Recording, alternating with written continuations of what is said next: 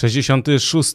podcast ProBasket Live. Witam serdecznie z Blaszak Studio. Krzysztof Sendecki. I Michał Pacuda. Witamy serdecznie. Dzieje się, dzieje się. Wydawało nam się, że mm, w tych playoffach NBA będzie tak, po tych paru meczach, jak było 2-0, no to tak się wydawało, że nie byliśmy pewni, czy ktoś odrobi jeszcze, nawiąże tę walkę, natomiast tu się Byliśmy okazuje... niemal pewni, że do tego programu już jakaś para zakończy rywalizację w półfinałach konferencji, a No tu, właśnie, a no tu właśnie. wszyscy grają. A tu wszyscy grają i wszyscy grają, słuchaj, i to jest pierwszy raz od wielu lat, kiedy mm, we wszystkich tych y, meczach y, drugiej rundy jest y, 3-2. Ja ci zaraz powiem, bo tutaj y, Damian Puchalski, którego serdecznie pozdrawiam i który pisze na ProBasket takie podsumowania statystyczne, podesłał mi taką ciekawostkę, że mm, tegoroczne playoffy są piątymi w historii, kiedy we wszystkich parach półfinałów konferencji trzeba będzie grać minimum 6 spotkań, czyli z sytuacją 3-2 we wszystkich czterech parach. Poprzednie takie rozgrywki to było 2015, 2004, 95 i 94. Liczymy to od 84, kiedy zaczęto grać do 7, e, znaczy 7 meczów, w sensie do 4 wygranych e, Mhm. drugiej rundy. Więc To jest, jest całkiem nieźle i dzieje się i naprawdę dużo zaskakujących rzeczy i zmian. E, chyba gry po prostu, bo, bo no przejdziemy zaraz do tych par, ale to jakby wyciąganie wniosków z meczów przed kolejnymi meczami bywa bardzo, bardzo zwodnicze e, w, tych, w tej rywalizacji w półfinałach konferencji. Tak jest. Ja dodaję jeszcze na Twitterka, żeby e, jacyś zagubieni może się do nas e, dołączyli, bo to też jest e, ważne. Czekamy też właśnie na e, więcej osób. E, Zaraz będziemy czat też e, sczytywać. E, Witamy serdecznie wszystkich, którzy już e, są. E, NBA Twitter Live, no bo to jest wiadomo, no jesteśmy. Więc tak, jesteśmy i o czym sobie dzisiaj porozmawiamy, na pewno przypominamy o łapkach w górę. O, subs- o subskrypcji też, można tam kliknąć subskrybuj, to wtedy będzie em, też miło dla nas, żeby mieć e, więcej osób e, w subskrypcjach, e, wtedy też was nic nie ominie, mamy nadzieję. E, Porozmawiamy sobie tak o tych wszystkich czterech parach, ale nie będziemy omawiać każdego meczu, który się od zeszłego tygodnia rozegrał, bo to też jakby szkoda czasu. Wiem, że też nie to pewnie y, nasi widzowie chcą usłyszeć, bardziej oceny i przewidywania, tak, tak sobie y, myślę. Porozmawiamy też o MVP, bo jednak dostał Nikola Jokic i tutaj no jeszcze parę mamy na ten temat przemyśleń. Brooklyn Nets będzie też przez chwilę tematem. Na pewno pogadamy o Los Angeles Lakers, o zmianie pokolenia, bo też nie chciałbym mm, w porównaniu do tego poprzedniego y, podcastu, żebyśmy tak tylko mówili o playoffach, bo jednak też dostałem kilka takich głosów, że fajnie, fajnie, ale po dwóch, Pogadajcie o czymś jeszcze. po o czymś jeszcze, bo podcast, wiesz, jak ktoś słucha po dwóch dniach na przykład, no to już jest trzy czwarte jest nieaktualne, tak? Więc jakby wiadomo, że playoffy są tak szybkie i dynamiczne, że mm, no, że rzeczywiście traci to na aktualności, można powiedzieć, bardzo szybko to, co mówimy, ale mimo wszystko i tak, jeśli ktoś nas włączył sobie czy z wideo, czy audio po paru dniach od premiery, to myślę, że i tak warto y, nas obejrzeć, posłuchać i też sprawdzić w opisie filmu. Oczywiście zawsze robimy ten podział na e, rozdziały, więc to też można sobie tam w razie czego przewinąć. Poczekajcie z tym Jokicem, bo mnóstwo jest wpisów będzie o dorożce Jokicza i od razu tutaj do gniewka ja nie powiedziałem, że Jokic nie wygra, tylko że moim kandydatem jest Devin Booker do MVP. A wiesz, jak to raczej chyba było w miarę do przewidzenia, że dziennikarze jednak taka była narracja. Narracja. Narracja, że jednak, ale dojdziemy do Jokicza, spokojnie, spokojnie, dojdziemy. Więc duży luz.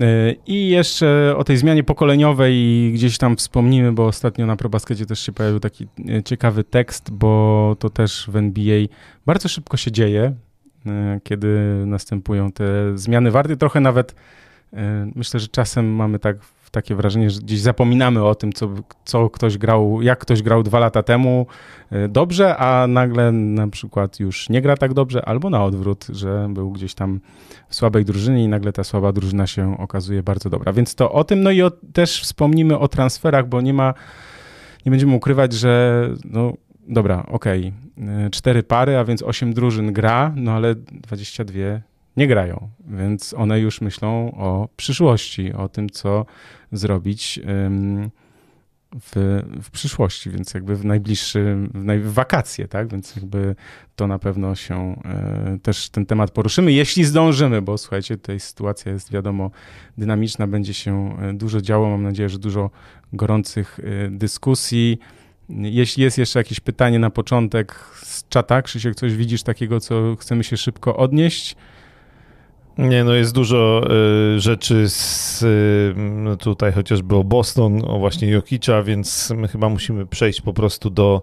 Dobra, ale zaczynamy według y, mojego drzewka, czyli y, moj, w mojej głowie bardzo. wschód na początek i na początek para Miami Heat, Philadelphia 76ers. Poprosimy o y, grafikę.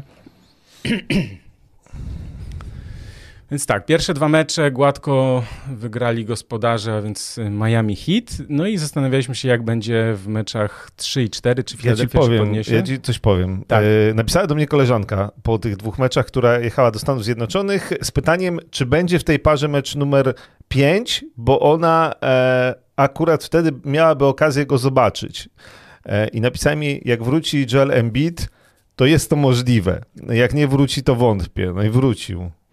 No i wrócił, zagrał bardzo dobrze w meczach numer 3 i numer 4.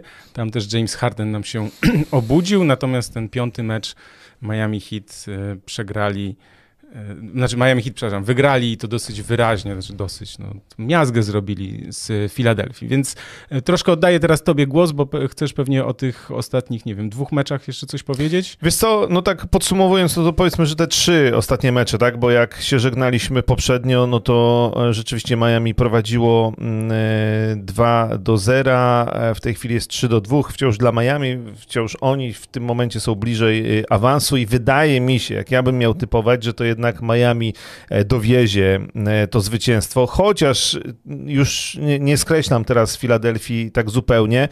Natomiast dwie rzeczy no, muszą się tam wydarzyć. Znaczy, wrócił Joel Embiid, e, ale on wygląda, ja bym powiedział, że wcale nie tak dobrze. Znaczy, jak popatrzymy na punkty, na zbiórki, na to, co momentami robi, jest ok, natomiast już w tym ostatnim meczu, meczu piątym, przegranym wysoko, wyglądał źle i widać, że on jest zmęczony, widać, że go wszystko boli, on ma tam problemy z dłonią, z kciukiem, tak, z mm, plecami, w tej masce też y, bardzo mu tam e, przeszkadza mu ta tak, maska. Tak, tak. E, widać, że, że on się nie czuje w tym komfortowo, e, więc generalnie Joel Embiid przegrywa z własnym ciałem, z zmęczeniem, z kontuzjami, z tym, co pozostało po tych kontuzjach. Brakuje trochę paliwa w baku i no i pytanie, jak duża jest tam ta rezerwa, bo ona się już świeci, tylko, tylko czy, czy to jeszcze wystarczy na to, żeby powalczyć o siódmy mecz na razie, bo, bo myślę, że o tym Filadelfia na razie marzy.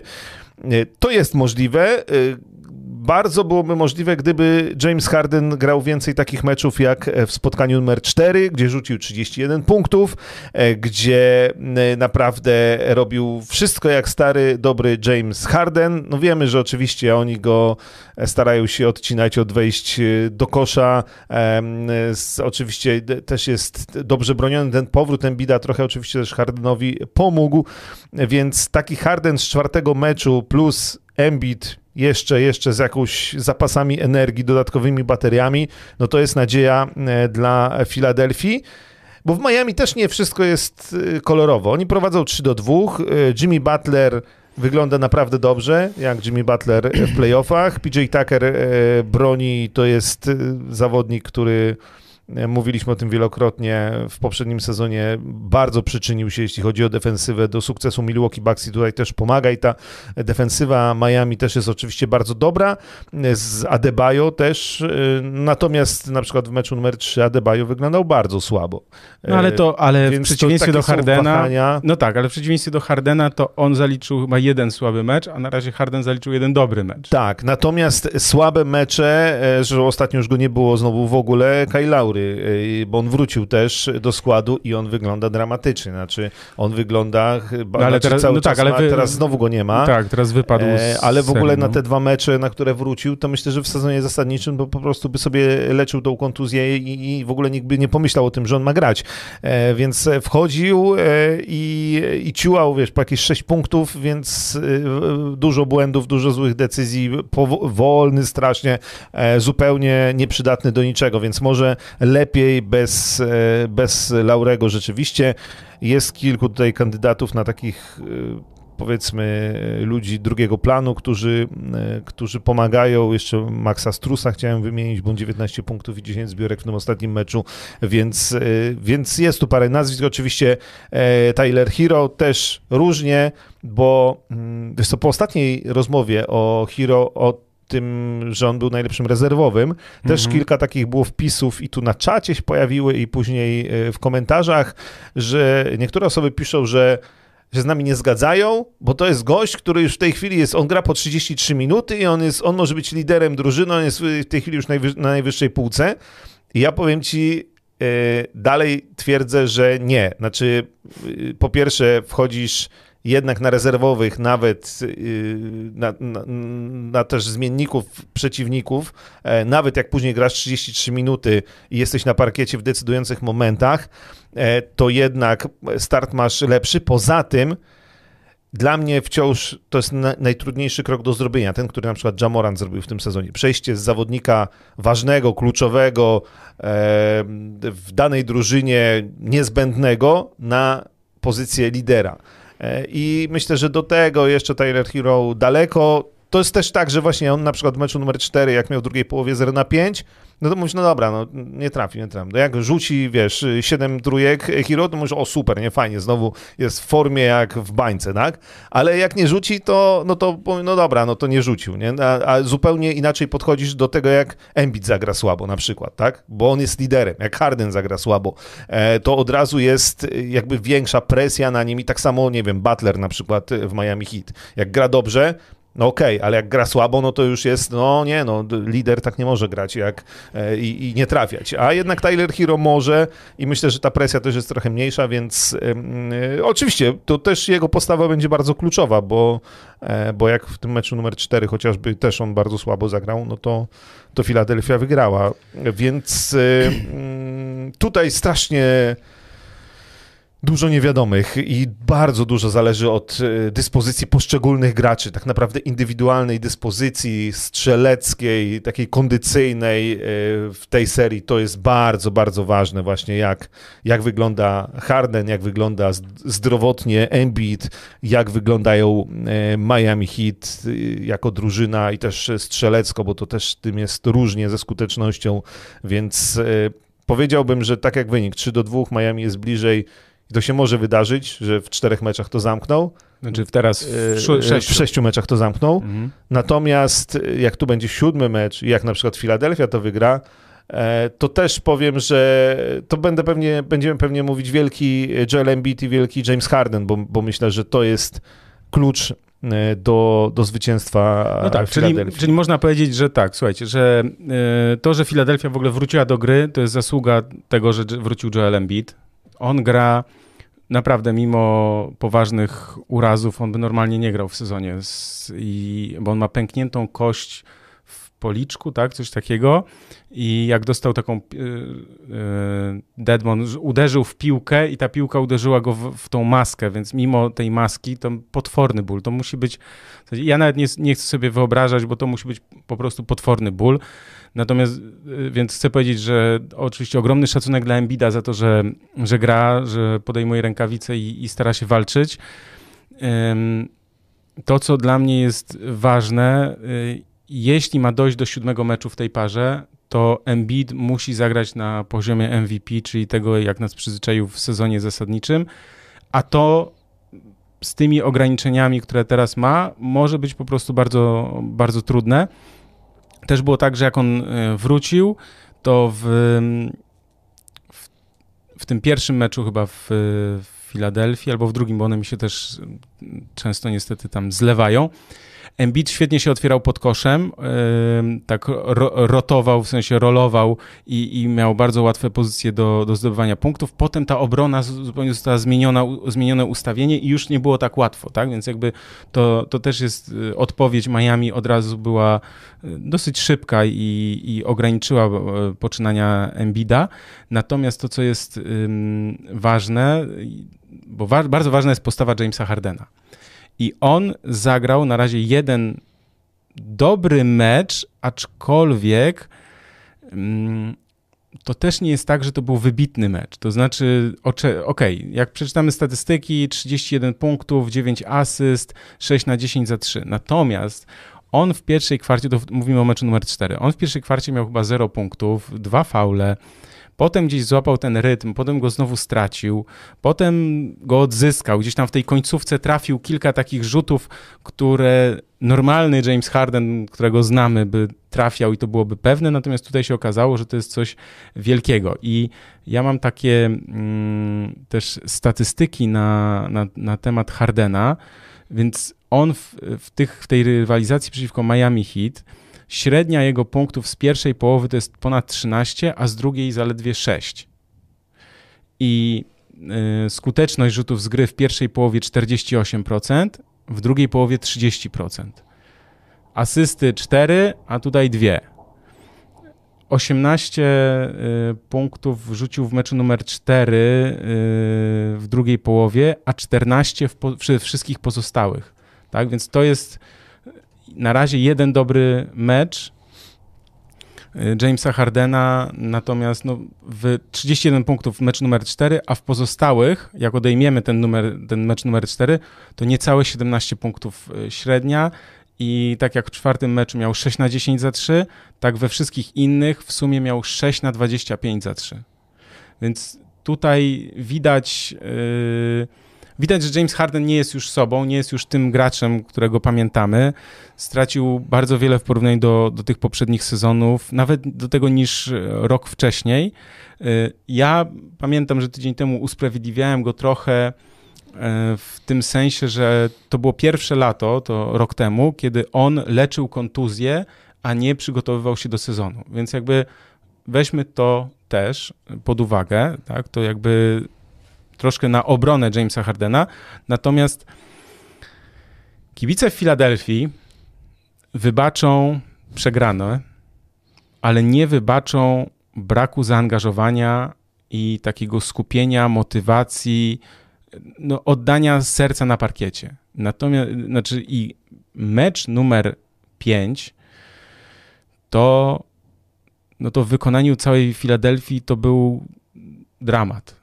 To znaczy bardzo dużo prostych błędów, brak zaangażowania. Oni, oni grali tak, że ja miałem wrażenie, że po prostu podcięte skrzydła, wracajmy do domu. Że tam nie było, nie było pewności siebie, było takie, z, no po prostu z, z już nie wiem, trata wiary, wiary w to, że, że to jeszcze można, nie wiem, odrobić. Już to, to od początku meczu tak naprawdę tam było bardzo mało tej, nazwijmy to, energii, tak? Wiadomo, że też celne rzuty graczy Miami też jakby to na to wpłynęły, tak? Że, że ten mecz się tak ułożył, ale, ale rzeczywiście, jeśli Philadelphia ma doprowadzić do meczu numer 7, to ja uważam, że Joel Embiid musi zagrać na poziomie MVP, musi zagrać znakomicie i James Harden musi zagrać przynajmniej przyzwoicie i ktoś się musi włączyć do jeszcze. Tak, pamiętamy, że w jednym z meczów chyba numer 3 Danny Green trafił chyba 7 trójek czy 6, więc jakby Wiadomo też, że zawodnicy poza wielkimi, poza liderami, też zawodnicy ci zmiennicy, czy, czy tacy no, trzeci, czwarty, piąty gracz drużyny, oni grają lepiej we własnej hali, bo jednak są niesieni przez kibiców, jest to łatwiej, wiadomo, więc jakby tutaj yy, nie skazuje Sixers na porażkę.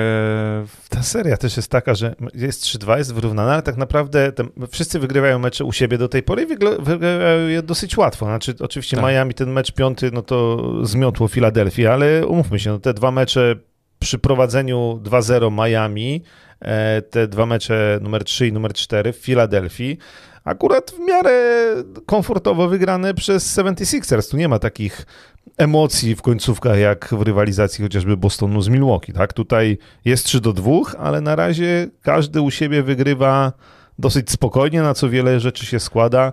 Y Także y, jakoś też mam wrażenie dużo słabsza postawa po prostu Miami y, w Filadelfii jako drużyny, tak, jeśli ale chodzi o skuteczność ja, też właśnie. Jeśli miałbym typować, to jednak biorąc pod uwagę formę Hardena i bardzo dużą zale- znaczy bardzo dużo będzie zależeć od, od, od Embida, tak? W tym meczu numer 6, który jest dzisiaj w nocy więc bardzo dużo będzie zależeć, kto rano włączy, będzie już wiedział i będzie mógł powiedzieć, a jednak wygrali ci, tak? Ja uważam, że mm, szanse 60 do 40 bym powiedział, że jednak Miami. Ja też. Znaczy tak patrząc obiektywnie e, Miami hit, natomiast patrząc na tę serię i gdzieś tam mając w pamięci te mecze 3 i 4 w Filadelfii, biorę pod uwagę to, że tu może być mecz siódmy i aż tak bardzo zdziwiony nie będę, a na pewno... Y, na pewno Miami Heat są faworytem nadal tej serii. Tak. Więc to jest jakby...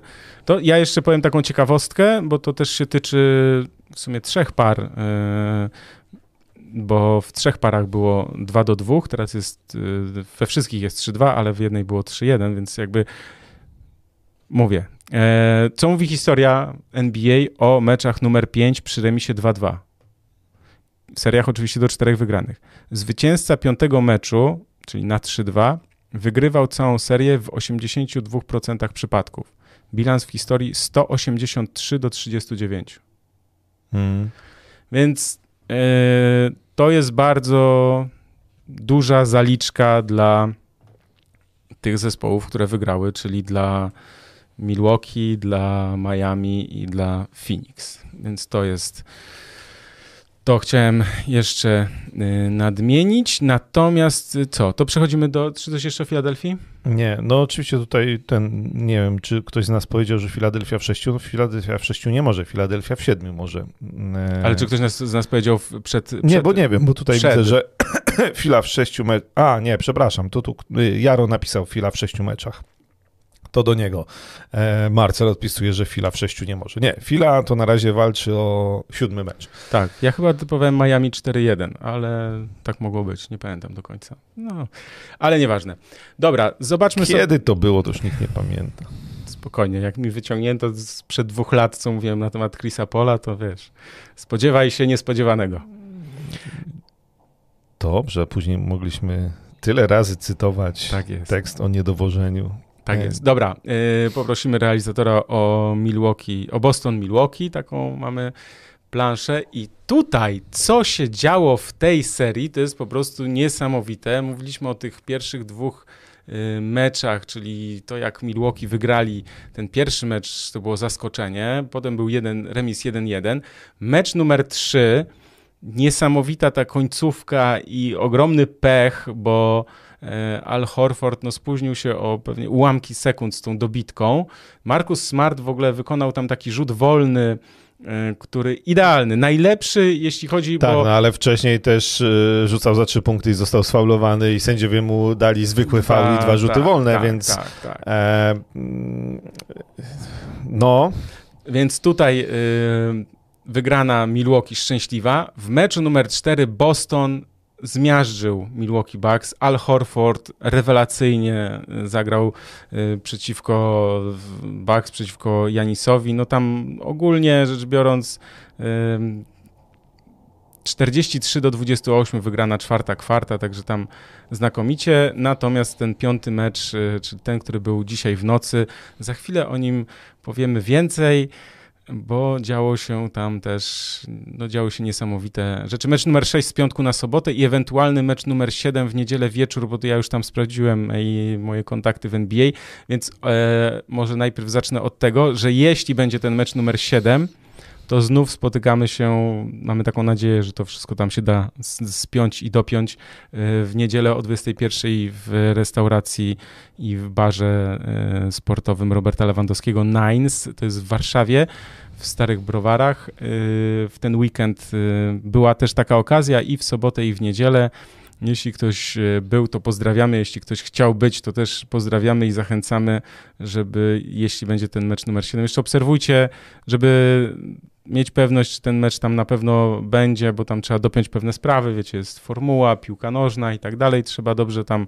um, pogadać i, i ustalić y, wszystko z, no, z właścicielami, z organizatorami, żeby to e, dopiąć. Natomiast no, świetna, świetna okazja to była i w sobotę w barze sportowym, tam jest mnóstwo takich telewizorów, um, także bardzo fajnie się to oglądało. W niedzielę na takim dużym ekranie, w takiej sali na samej górze tam taki wielki ekran, w sensie telewizory połączone w taki wielki, wielki ekran, też takie trybunki, naprawdę fajnie. Jeśli ktoś się obawia, czy przyjść, w sensie, bo tam trzeba rezerwacje robić, najlepiej zrobić rezerwację, jeśli będzie, od razu mówię, natomiast to nie ma tak zobowiązania, że, że musicie przyjść i zostawić po prostu stówę czy dwie, bo tam ktoś będzie was rozliczał i tak dalej. Można przyjść, wypić jedno piwko albo kole, albo wodę i w ogóle się tym jakby nie przejmować, także to od razu mówię, że jak, jak ktoś miał takie obawy, że nie wiem, bo dostałem takiego też taką wiadomość, no stary, ale słuchaj, bo to jest taka fancy warszawska knajpa i tak dalej, spokojnie, jest, rzeczywiście jest fajna, fajna, bardzo fajna, rewelacyjna do tego, natomiast można tam spokojnie przyjść, nie trzeba wykupować pół baru i, i zamawiać nie wiadomo czego, oczywiście zachęcamy, bo są, koledzy mówią, że pyszne hamburgery, ja to o takich godzinach już nie jem, ale... Dobra, e, więc tu już zareklamowałem e, ewentualność, natomiast czy w ogóle ten mecz numer 7 będzie, to jest e, zasadnicze pytanie. No. Mm, wszystkie karty, wszystkie asy w talii w tej chwili mają Milwaukee Bucks. Dzięki temu meczu numer 5, o którym pewnie najwięcej będziemy mówili, ta seria i Milwaukee Bucks i ta seria jest tak dobra, jak dobry jest Drew Holiday. E, najbardziej. No i tu widzisz, o Chrisie Polu mm, tam ten, że nie dowozi mówiłeś, ale Drew Holiday, to jak pamiętam, to, to zawsze mówiłeś, że to jest, to jest gość. No, to jest to najbardziej jest... niedoceniany zawodnik w NBA. Zawodnik, który nigdy nie dostał żadnej nagrody, a dzisiaj w tym meczu właśnie piątym, no tak e, można powiedzieć symbolicznie na Markusie Smarcie, najlepszym obrońcy tego sezonu jakby nie było, e, no pokazał prawdziwą obronę w końcówce i, i tak naprawdę to, to Drew Holiday wygrał ten mecz. Oczywiście wygrał też go Janis nagle e, trafiając za trzy punkty dwa razy w serii, w której praktycznie nie trafia za trzy.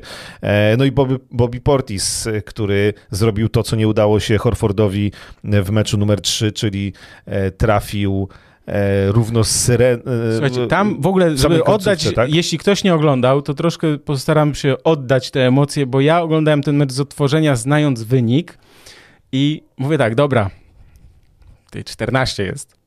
Mówię, kiedy oni to zaczną odrabiać, nie? Mówię, 9 minut do końca, mówię, może teraz, nie? Ale tam cały czas jest, mówię, kurczę, dosyć, dosyć tak, no... Było 6 punktów na dwie minuty przed końcem, niespełna dwie minuty. Yy, tak, bo poczekaj, ja, 105... sobie, ja sobie nawet chcę włączyć, wiesz, poczekajcie chwilę, dajcie mi sekundę, bo... Żebym 105,99, sobie... tak? Yy, ja sobie, na minutę 50. Bo ja to mam w głowie, wiesz, w sensie, ale będę się podpierał play by play, żeby to oddać. Było 14 punktów przewagi w czwartej kwarcie. W, jeszcze na to, jak ja tam mówiłem, 9 minut do końca było 10. Y, potem było 6 minut, to dobra, zbliżyli się na 4, ale znowu gdzieś tam y, Celtics wyszli na prowadzenie 2, aha, 2 minuty 12 sekund do końca, dobitka Ala Horforda na 105,99. Mhm. Ja mówię, jakbym nie, jakbym nie znał wyniku, to mówię, jak oni to wygrali, bo specjalnie nie sprawdzałem więcej, w sensie tam szczegółów tej końcówki, nie? I była taka sytuacja, że y, było 105,99, minuta 45 do końca, Bobby Portis nie trafia, zbiera w ataku Wesley Matthews, też rewelacyjnie, wiesz, bo to, żeby docenić to naprawdę zaangażowanie wszystkich tych zawodników, zbiera w ataku Wesley Matthews, podaje do Janisa i Janis trafia trójkę, to jest minuta 40 do końca. I to jest przy, przy stanie 105,99. I zobacz, kochone ze stali Janisa, które powtarzamy już od zeszłego roku, dlatego ja typuję zawsze Milwaukee, bo po prostu nie widzę możliwości, żeby, żeby Janis ze swoją psychiką e, mógł to przegrać, naprawdę w sensie, no, dlatego tak, tak mówię. I tak, Janis w, miał w ogóle w, za 3 punkty w serii przeciwko Chicago 2 na 13, teraz przeciwko Celtics ma 4 na 19, ale miał, miał chyba 2 na... 7, 2 na 17 chyba, czy tam coś takiego i on trafia trójkę, jest 102-105, tak? Celtics prowadzą. Potem jest y, chyba strata Markusa Smarta i co? I Drew Holiday trafia trójkę i mamy remis po 105.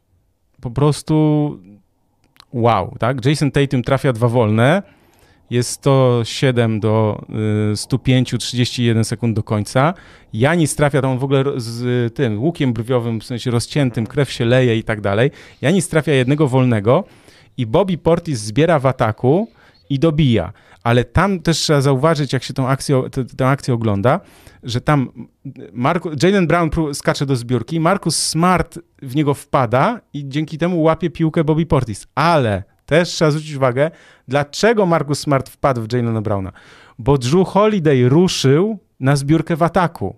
Więc Smart ruszył razem z Holidayem, żeby go żeby go, nazwijmy to, zatrzymać, zablokować, no bo tak się robi, tak? W sensie takie są zasady, że też tego wbiegającego musisz zablokować, żeby właśnie, no, mieć pewność, że zbierzesz w obronie. Natomiast oni się tam zderzyli, Portis złapał i dobił i teraz tak, mamy, e, to było 11 sekund e, do końca, Potem jest. Yy, czekaj, czekaj, czekaj. Yy, potem jest. No po tym rzucie Portisa Milwaukee wychodzi na prowadzenie tak, przede wszystkim. Tak, tak, tak. tak 107. Tak. Yy... Potem jest. Aha, potem jest nie, jakiś niecelny rzut po stronie Celtics chyba. Czy, yy, I jest dwa rzuty wolne, trafia Pat Conaton. I teraz, yy, czy czekaj, nie, bo, aha, dobra, nie, wcześniej, dobra, przepraszam, przepraszam, 108, 107 jest piłka do Markusa Smarta, powinna być do tej Tuma, ale oni nie zaczekali. I Markus Smart wchodzi z prawej strony, Pat Conaton tam się stara po prostu jak może, yy, ale nie jest w stanie go zablokować, natomiast nadlatuje Drew Holiday i, blokuje. blokuje. ten rzut, łapie piłkę, wypada na out, ale zdążył ją jeszcze odbić od Smarta, więc jest piłka dla Milwaukee, punkt przewagi. Pat Conaton yy, jest faulowany potem przy wybiciu z autu, on trafia dwa osobiste, yy, jest 110 do 107 i oni jeszcze mają 6 sekund, i 6 sekund, ale nie mają już czasu. Więc wyprowadzają piłkę spod własnego kosza i tam w ogóle jaka, jak sekwencja jest niesamowita, bo tam Portis chyba z Matthewsem się zderzyli, jeden się przewrócił. Tatum czekał na trójce. Tatum czekał na trójce. Ja się nie doczekał. Nie doczekał, bo Markus Smart popełnił błąd, bo po pierwsze dostał piłkę tyłem, nie, spoj nie spojrzał, wiesz, nie odwrócił głowy, y, żeby zobaczyć, co się dzieje, tylko ruszył w lewą stronę, czyli swoją słabszą ręką, zrobił kozioł, ta piłka mu troszkę wypadła, więc on musiał zrobić drugi kozioł, głowę miał w dół, patrząc na piłkę, nie był w stanie podać do tej tiuma. W tym momencie Drew Holiday mu wybił piłkę. Nieważne, czy był faul, czy nie, może nawet i był, ale sędziowie tego nie gwizdnęli, bo tam może lekko w rękę go tam gdzieś trafił. Natomiast znowu Drew Holiday. Po prostu szacun tak ogromny dla całego zespołu Milwaukee, bo Boston przez 45 minut grali rewelacyjnie. Jani skryty przez Horforda to naprawdę miał bardzo ciężko, mimo że uzbierał 40 punktów mm. Janis, ale po prostu ja byłem, no mówiąc najogólniej, w szoku. Ja jeszcze mam taką statystykę, jeśli chodzi o Janisa, za trzy w tych playoffach. W pierwszej kwarcie jeden, w pierwszych kwartach 1 na 9, w drugich kwartach 0 na 9, w trzecich kwartach 2 na 12, w czwartej kwarcie 3 na 4. No. Trafiać, wiesz, bo to jest też trafiać takie rzuty, w sensie, że, że jemu ręka nie zadrżała, że on się zdecydował na to bez, bez zawahania, tak? To znaczy, wiesz, no stawiasz wszystko na jedną kartę, to jest właśnie ta kwestia tych graczy, jak jesteś liderem i masz po prostu silną psychikę, że wiesz, all in, tak? Że stawia wszystko na jedną kartę, miał dużo miejsca, przymierzył, trafił, dziękuję. Rewelacyjny, znaczy Milwaukee Bucks mimo braku Middletona, było pytanie, kiedy wróci Middleton, na, drugą, na kolejną rundę, na finał konferencji ma wrócić. Yy, gdzieś tam się mówi, że być może na siódmy mecz ewentualnie, ale chyba Milwaukee w ogóle nie chcą mówić o tym, że ma, może być siódmy mecz, po prostu chcą się skupić na tym meczu numer 6 i wygrać u siebie. Natomiast ja jeszcze chciałem powiedzieć o tym, stary, jak się podnieść po takim meczu, w, jeśli chodzi o Celtics bo Marcus Smart został zablokowany, wcześniej miał stratę, potem miał kolejną stratę i jeszcze przez niego ta zbiórka w ataku. Jakby cała sekwencja, cztery błędy po prostu na wina Markusa Smarta. On oczywiście mówi, że to trzeba zostawić ze sobą, nieważne, jak ktoś się boi, yy, myśli, że nie wygramy tego meczu szóstego, to niech nie, nie wsiada do samolotu i tak dalej. Okej, okay, okej. Okay. Tylko początek meczu numer 6 będzie kluczowy, tak? To znaczy, jak zawodnicy Celtics wyjdą, czy oni będą, czy nie stracą, wiesz, tej pewności siebie, bo to widać, od razu będzie widać tak zwany ten, co ja też powtarzam, body language, czyli ten, ta mowa ciała, czyli to, że jeśli oni wyjdą pewni siebie, nie będą się, e, nieważne, czy będą trafiać, czy nie, ale czy to będą rzuty, nazwijmy to z takich pewnych siebie decyzji, tak, że, że ja się nie boję, czuję się pewnie, gram do kosza, rzucam i tak dalej. Natomiast jeśli tam będą, wiesz, cała hala będzie i tak dalej. Bucks trafią parę rzutów, w sensie na początku i, i, będzie, i tam ci poczują presję, jeszcze świadomość tego, że to jest mecz, który może nas, wiesz, wywalić z playoffów i tak dalej, no to, to to może być bardzo trudne do podniesienia się, aczkolwiek Celtics Pamiętajmy, nie bez powodu są najlepszą drużyną w NBA od stycznia, jeśli liczymy, tak? E, tak, Celtics e, potrafili już e, mecz w Milwaukee e, wygrać. W tej serii oczywiście teraz sytuacja jest trochę inna. E, no to jest taka seria, w której mecz numer 3, no on był też trochę inny, tak, bo tam Celtics jednak gonili i wydawało się, że Milwaukee mają pod kontrolą, oni gonili, na koniec wydawało się znowu, że jednak do, dogonili i wygrają ten mecz, ale ta szalona końcówka z tym e, Horfordem rzucającym już po syrenie i, i, jednak Milwaukee, no to mecz numer 3 i mecz numer 5 były absolutnie do wygrania e, przez Boston i mówilibyśmy zupełnie inaczej, no i możemy tu ustawiać mnóstwo mnóstwo rzeczy i rozmawiać o taktyce i mm, o, o, o, jakby zachowaniach trenerów, zmianach i tak dalej. Natomiast koniec końców czasami właśnie jest tak, że, że trzeba mieć kochones ze stali jak Janis i nieprzypadkowo ten gość jest podwójnym MVP, MVP finałów i mistrzem z poprzedniego sezonu i no i ten Drew Holiday niesamowity. Jaro pisze ciekawostkę, Holiday jest pierwszym graczem od 25 lat, który zanotował blok i przechwyt w ostatnich 10 sekundach czwartej kwarty meczu playoff. E, no i to też jest e, fajne, bo to był jedyny przechwyt jego w tym meczu, w jakim momencie. E, bodajże dwa bloki miał. E, Ale wiesz, ja też przypomnę, i to już będę z pamięci mówił, bo widziałem, widziałem na czacie, uwagę, że mówił z pamięci, a nie tam ze ściągawek, okej. Okay. Pamiętasz jego mecze przeciwko Brooklyn Nets w zeszłym roku, przeciw, a w finałach przeciwko Phoenix, przecież pamiętasz ten przechwyt, jego przechwyt i ten alley do Janisa, którym to też przecież w końcówce meczu decydujący, w sensie, więc jakby Drew Holiday, okej, okay, on może mieć taką serię, nie wiem, pięciu na przykład niecelnych rzutów, ale on też pokazuje to doświadczenie i ogromną właśnie swoją klasę.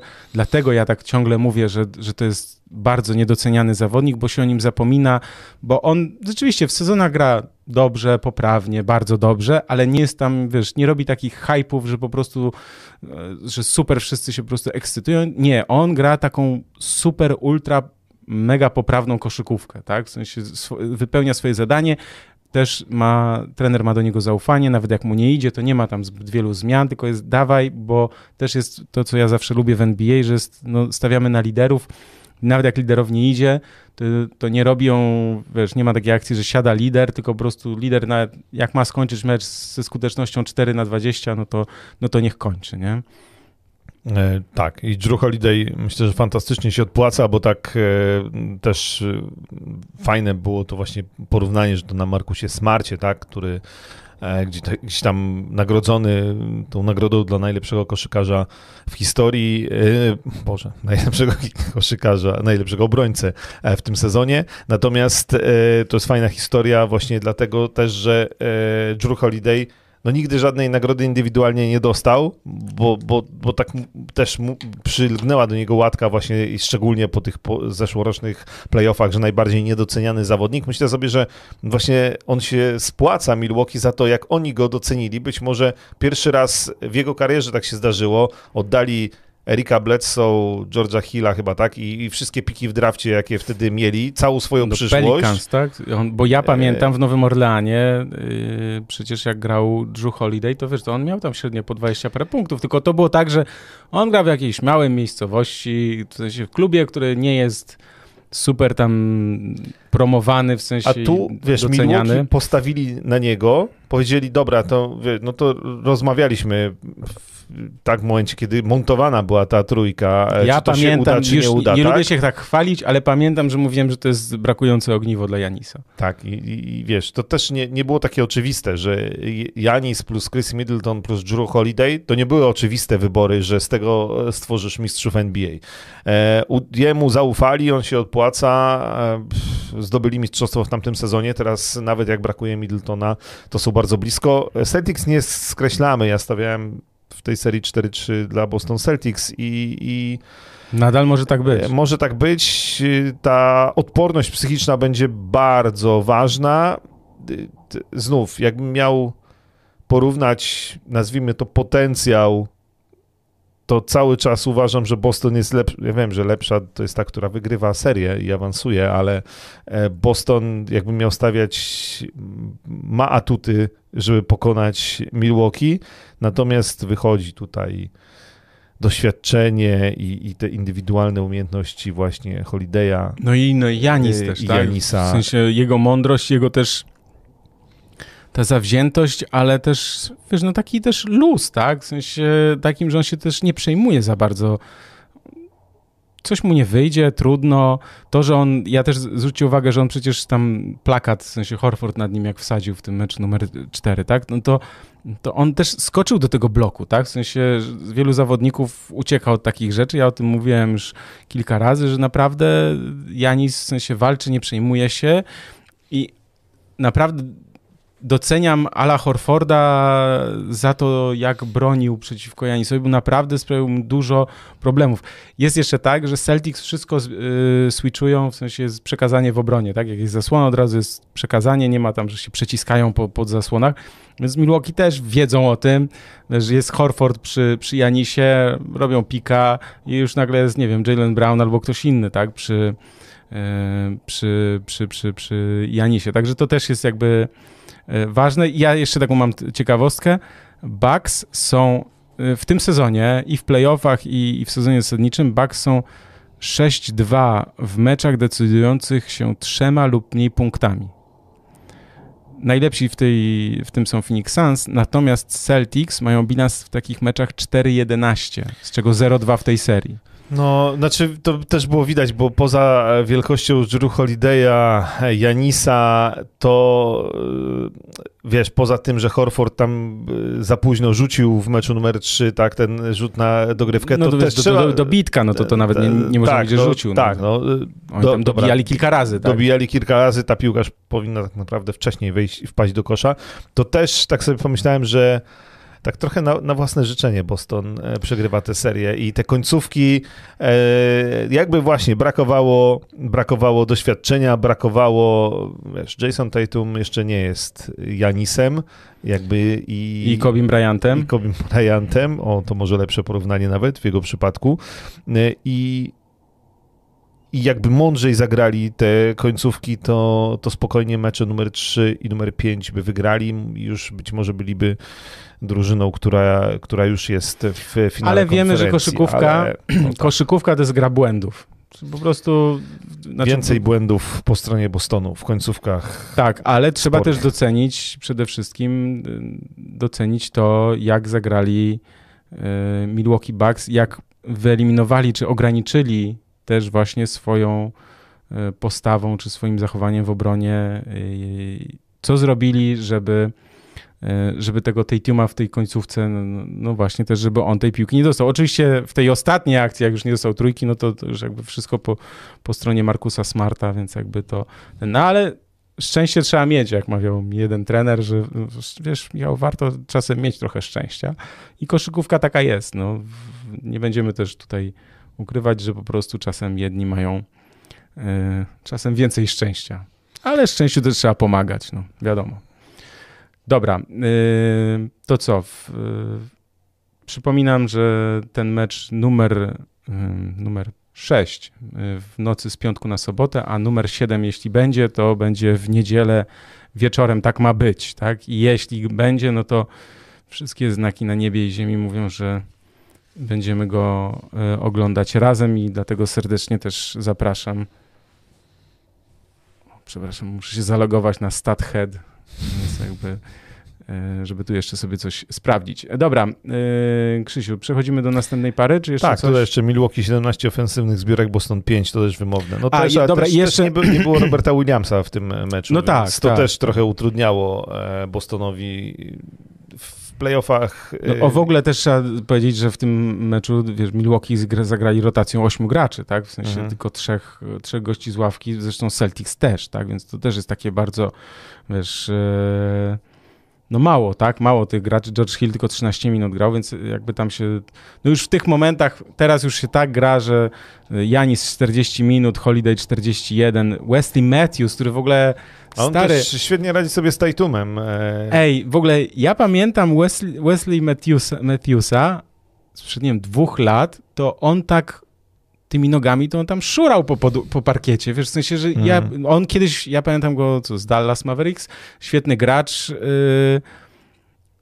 ale no dwa lata temu to, to, to, to, już jest zjazd do bazy, nie? I teraz po prostu gość ma nowe nogi, tam wiesz, po prostu mu przekręcili śrubki i gra rewelacyjnie, tak? Więc jakby to, to doceniam i jeszcze chciałem powiedzieć, że ciekawe jest ustawienie, warto to obserwować właśnie w następnym meczu, bo Brook Lopez grał tylko 20 minut w tym, w tym meczu numer 5, że jednak wyszedł w pierwszej piątce, ale jednak trener Budenholzer woli to ustawienie z Portisem, mimo że Portis miał 4 na 14 tylko z gry w, w tym spotkaniu, to jednak 15 zbiórek, czyli jednak y, Brook Lopez super ściana pod koszem do, do bloków, natomiast jeśli Celtics wychodzą niższym składem, nie ma Roberta Williamsa, to Milwaukee się dostosowują do tego i grają też niższym składem Portisem. Portis też wyciąga, bo też czasem trafia za trzy, więc też wyciąga obrońcę i wtedy jest więcej miejsca dla Janisa. Tak? No takie szczegóły też zachęcam do zwracania uwagi i pewnie dla wielu osób to jest oczywiście, oczywiście oczywiste.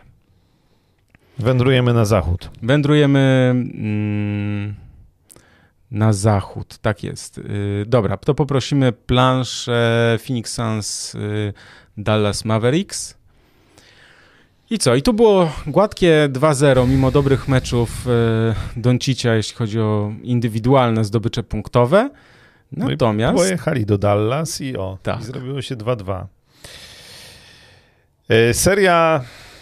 No co, no seria mam wrażenie, że e, trochę na życzenie Phoenix Suns ciągnie się wciąż. E, dopiero w tym meczu numer 5, wygranym znowu u siebie przez Phoenix 110 do 80, mam wrażenie, że zobaczyłem Phoenix Suns, jakiego się spodziewałem w tych playoffach i mam nadzieję, że zobaczę to Phoenix Suns też w szóstym meczu. Natomiast tutaj też dużo rzeczy się, dużo rzeczy się działo takich, ja doceniam, e, żeby nie było, doceniam Jasona Kida, jak on kombinuje jak kombinował i jak jest w stanie Montego Williamsa, najlepszego trenera, bo już został wybrany też yy, jak nie, jak nie wygrał Tyler Jenkins, to ja tego nie rozumiem, no ale okej. Okay. No dobrze, najlepszego trenera tego sezonu, szczególnie właśnie w tych meczach w Dallas, jednak objechał i, i to też jest zasługa tego, jak Mavericks bronili E, w tym spotkaniu, jak zmuszali do strat Chrisa Pola w trzecim meczu, 7 strat w pierwszej połowie. Aczkolwiek e, no też oczywiście mecz numer 4, jakby zacznę od tego, że ja uwielbiam Lukę Doncicza i on jest genialny, natomiast mm -hmm. mi nie sprawia przyjemności oglądanie Dallas Mavericks, a mecz numer 4, wygrany przez Mavs 111-101, to ten, gdzie y, Chris Paul zszedł z sześcioma faulami y, w drugiej połowie. Tak, to, tak. Był, to był jakiś dramat. Znaczy, to była antyreklama koszykówki. To było sędziowanie w tym meczu, moim zdaniem, było skandaliczne. Yy, I w ogóle to, to był mecz, którego się nie dało oglądać. Mecz, nie wiem, powiedzielibyśmy ładnie mecz walki, po prostu to był, to był brzydki, beznadziejny mecz, który Rzeź, Mavs, rzeźnia. yy, troszeczkę. rzeźnia totalna, Mavs wygrali. Ja nie lubię takiej koszykówki. Oczywiście mają oprócz y, Luki Doncicza Bransona, który potrafi się mm, e, odpalić. E, e, Natomiast wydaje mi się, że to, jak już mam coś stawiać, to postawię, że tym razem będzie Phoenix Suns w Dallas sobie poradzi, no i zamknie to w sześciu meczach i tyle, no bo, bo już w tym meczu numer 5 to rzeczywiście było takie, takie Phoenix Suns, oni te pierwsze, no, trzy mecze u siebie wygrali bez problemów, tak? Ten piąty to już w ogóle, no tam wszystko działa, tam jest Chris Paul e, genialnie dyrygujący, jak go kryją mocniej, nie musi rzucać, tak jak w piątym meczu, rozdaje 10 asyst, e, grane świetnie, pick and role, e, nie ma odpowiedzi na Aitona pod koszem, Devin Booker robi co chce, rzuca, no wszystko, e, szeroka rotacja, do Phoenix Suns w ogóle ma ławkę e, niekończącą się, więc to wygląda idealnie, natomiast te dwa brzydkie mecze w Dallas trochę obraz tej rywalizacji zmieniły, ale mam nadzieję, że ta seria się skończy już w najbliższym meczu i tyle, no i Phoenix będzie w finale konferencji. Wręcz tak. No tak, no, jeśli ja miałbym coś powiedzieć o tej serii, bo też tak ją no, trochę oglądałem i no, rzeczywiście tru, tru, ten mecz y, numer 4, y, no to rzeczywiście te, te faule, gwizdki były dosyć dziwne. Y, Chociaż z drugiej strony, wiesz, Chris Paul jak tam podszedł pod Bransona i nie będę już, który to był faul, ale wiesz, że jakby sędziowie uznali, że to jest jego faul w ataku, tak, bo podszedł pod gracza, który nie miał innej Wiesz co, trochę mam sytuacji. wrażenie, że to było, że Może- Chris Paul jest gościem, który zawsze tam gra nieczysto, tak wszyscy go lubimy i życzymy mu tego pierścienia, natomiast on tam zawsze łokcie, gdzieś tam nieczyste zagrywki i tak dalej. I to, to chyba nie jest wiem, oczywiste, to, w sensie, ale, no, ale to, to co, to, to miała być kara dla niego ten mecz, tak, że sędziujemy mu po prostu aptekarsko e, wszystko i nawet jak, e, wiesz, on ruszy ręką, gdzieś tam dotknie kogoś i już jest faul, no to przecież te faule były e, generalnie momentami zabawne, to znaczy nikt tak nie gwizdże. I e, mi się dosta- ale w ogóle ten mecz był tam przerw, tych, wiesz, te, Luka Doncic przecież na początku dostał e, techniczny, tak, tak, tak. w ogóle nie, mnóstwo, mnóstwo jakichś Tam Devin Booker rzucił 35 punktów rzeczywiście, natomiast Nie, y, nie, nie, nie. Nie do oglądania ten mecz był. tak, Luka Doncic 26, Finney Smith trafił 8 na 12 za 3, 24 punkty, Branson 18 punktów. Bertans, słuchaj, No, wychodzi... no, no wsze- tak, wyszedł i bach, bach, bach. Trzy, chyba trójki, tak, z rzędu trafił. Tak, cztery w sumie, No. więc jakby... I to jest chyba tak, jedyny gość, w ogóle jakiś rekord jest, to już mi umknęło, tego sobie nie zapisałem. Rekord ym, w tym, że on y, nie... Boże, y, nie oddał żadnego rzutu za dwa chyba przez ileś tam ileś tam mnóstwo tych minut rozgrywanych w ogóle. A trafił za trzy punkty. Tak, a oddawał, o, tylko oddawał, tylko No oddawał nie, no też dla mnie jest oczywiste, że Dobra, Dallas mam, czekaj. nie, nie będą e, tak rzucać za trzy 123 punkty. minuty grał w tych playoffach, nie oddał ani jednego rzutu za dwa punkty. Nigdy żaden gracz, tutaj Marcina pozdrawiamy, prowadzi profil Crazy Stats, więc to też polecam, jeśli ktoś jeszcze nie śledzi, czy na Twitterze, czy na Facebooku, to warto. Profil NBA Crazy Stats. E, jeszcze nigdy żaden zawodnik nie grał więcej niż 68 minut bez oddania rzutu e, w, w, za dwa w playoffach. To, to był e, Troy, Troy Daniels w 2017 roku, a Bertans już 123 minuty i nie, Pięknie. Natomiast y, też wydawało mi się, że Dallas nie będzie y, całą serię tak rzucać za trzy. No w tym meczu numer 5, oczywiście, no Phoenix, nie, nie u siebie, 25% mieli już tylko za trzy punkty Dallas Mavericks, więc jakby wrócili. Y, to też warto powiedzieć, że oczywiście Luka Doncic wszystkim y, kieruje na parkiecie. E, nie jest mu w stanie nikt ustać, znaczy on jak nie jest podwajany, to, to jeden na jeden, jeden na jednego i też tyłem do kosza, to w ogóle jest, y, to, to są właściwie pewne punkty, e, znaczy Luka Doncic właściwie może grać na każdej pozycji, natomiast za trzy punkty jest dramatyczny w całej tej serii od samego początku, znaczy to jest skuteczność tam na poziomie około 20 chyba paru procent, e, to jak fatalnie podłuje Doncic y, z dystansu, więc e, więc... Ale wiesz, jak, ale w jakichś tam ważnych momentach też potrafi, potrafi trafić. E, ciekawostka jest taka, tylko tu też mm, to, e, widzisz, też mnóstwo tych ciekawostek ja sobie zbieram, nie wszystkie udaje mi się zapisać. On w meczach, e, które mogą zakończyć serię, czyli tych Elimination Games, to on ma jakąś średnią ponad 40 punktów, bo tam... No to czekamy. więc wiesz, więc to jakby...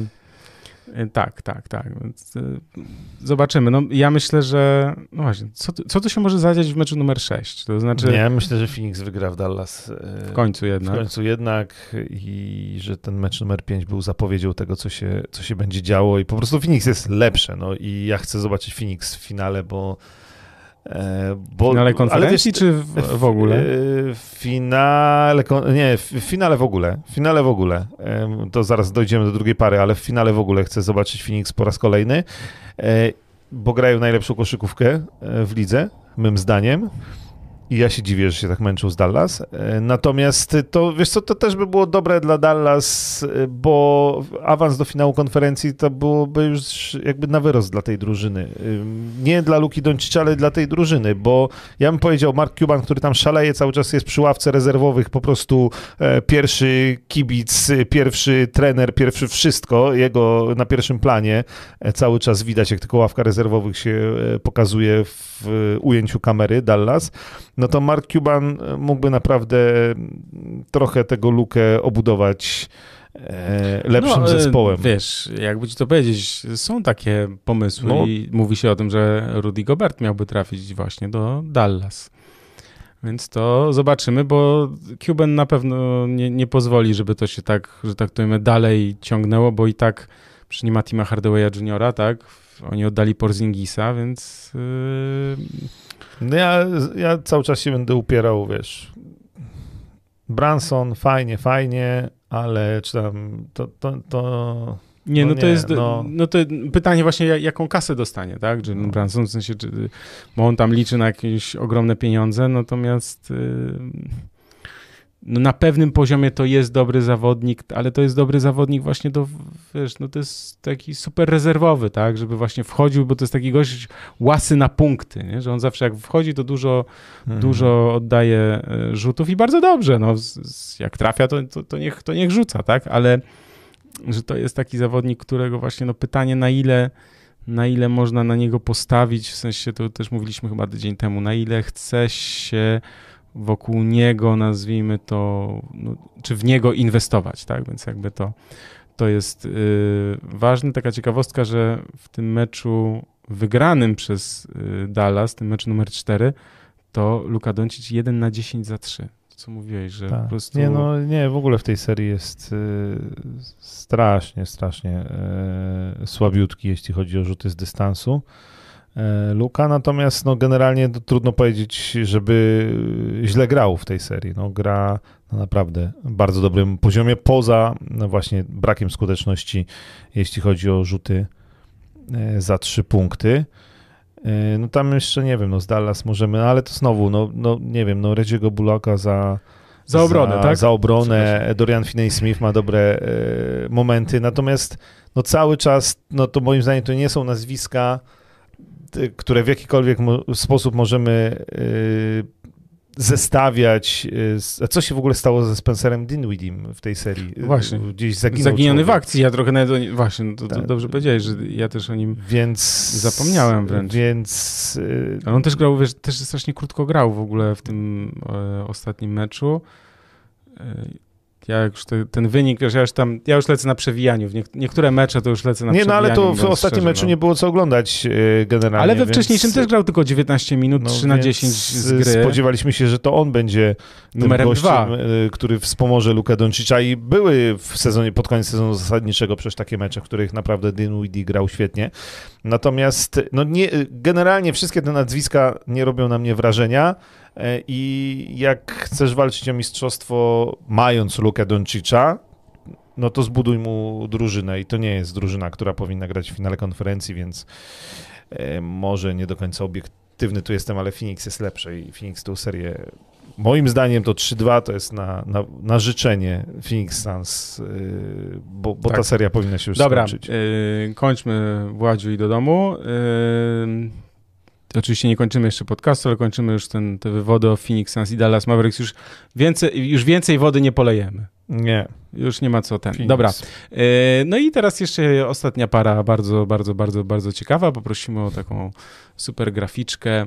Memphis Grizzlies, Golden State Warriors. Więc zaczęło się od y, zwycięstwa jednym punktem Golden State Warriors, to pamiętamy. Potem Memphis odrobili. Potem, no właśnie, mecz numer 3 wygrany bardzo wysoko przez Golden State Warriors. Natomiast w meczu numer 4 i tutaj o tym meczu chciałem też o 4 i o 5 na pewno zaraz będziemy mówić. Mecz numer 4 już yy, bez Moranta. No właśnie, mecz numer 3 wygrany wysoko bez Golden State Warriors, ale też z kontuzją Ja Moranta. Tak. E, I w kolejnych meczach go nie ma. I teraz mecz numer 4 wygrany przez Golden State Warriors trzema punktami, ale mecz, który spokojnie, bez Jamoranta, Memphis Grizzlies wygrać też mogli. I żeby nie powiedzieć, że powinni.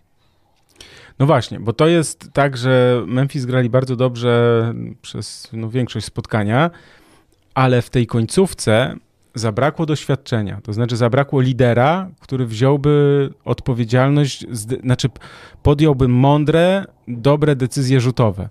I mm, tam Dylan Brooks y, jakiś rzut nie trafił, gdzieś tam wchodził pod kosz. Yy, Jaren Jackson Jr. walił taką truje rozpaczy, mimo że tam jeszcze było chwila czasu na to, żeby to, że tak to lepiej ogarnąć. Więc w meczu numer 4 wyszedł brak doświadczenia i brak strony lidera. Pan profesor Steph Curry zagrał genialne zawody. Tak, tak, tak. No. Więc, yy, więc skończyło się jak się skończyło. Natomiast Mecz numer 5. Ciekawe, czy ktoś postawił na przykład jakieś pieniądze w meczu numer 5 na e, Grizzlies. To jest dla mnie zagadka. Wiesz, no, grają u siebie, to jednak można było się spodziewać. Ogólnie ja tak zastanawiałem się, co powiedzieć o tej parze, tak? Bo jednak Golden State Warriors, mimo że oni przegrywali 55 punktami nawet w tym, w tym spotkaniu. Ja powiem szczerze, że ja przed tą serią no nie chcę powiedzieć, że, że myślałem, że to się będzie kończyło taką miazgą, tak, w sensie, wiesz, 40 punktami dla Memphis, ale mi się wydawało, że Memphis Grizzlies będą w co najmniej trzech albo czterech meczach grać tak jak w tym meczu ostatnim, że zabiegają. Zabiegają yy, Golden State Warriors. Jeszcze jak Gary Payton drugi doznał kontuzji, to już sobie pomyślałem, kurczę, no już naprawdę wszystko jest po waszej stronie, tak? Znaczy macie, zróbcie to, co robiliście przez, w trakcie sezonu. Tylko różnica jest taka, że mm, w trakcie sezonu bardzo dużo wygrywasz zaangażowaniem, motywacją, przygotowaniem fizycznym. Że dużo spotkań udaje ci się wyciągnąć, jak jesteś dobrą drużyną, to myślę, że można tak powiedzieć, że Memphis Grizzlies, zwłaszcza ten bilans 20 do 5 bez Moranta przecież w sezonie, w sezonie zasadniczym, no to był efekt tego, że oni grali zespołową koszykówkę, ale że tam po prostu wszyscy są niesamowicie yy, mają masę energii, zaangażowanie. Każdy, kto wchodzi, to po prostu tam daje mnóstwo od siebie, jest skuteczny, mnóstwo tych akcji bardzo szybkich, energicznych, dynamicznych, tych wejść na kosz i też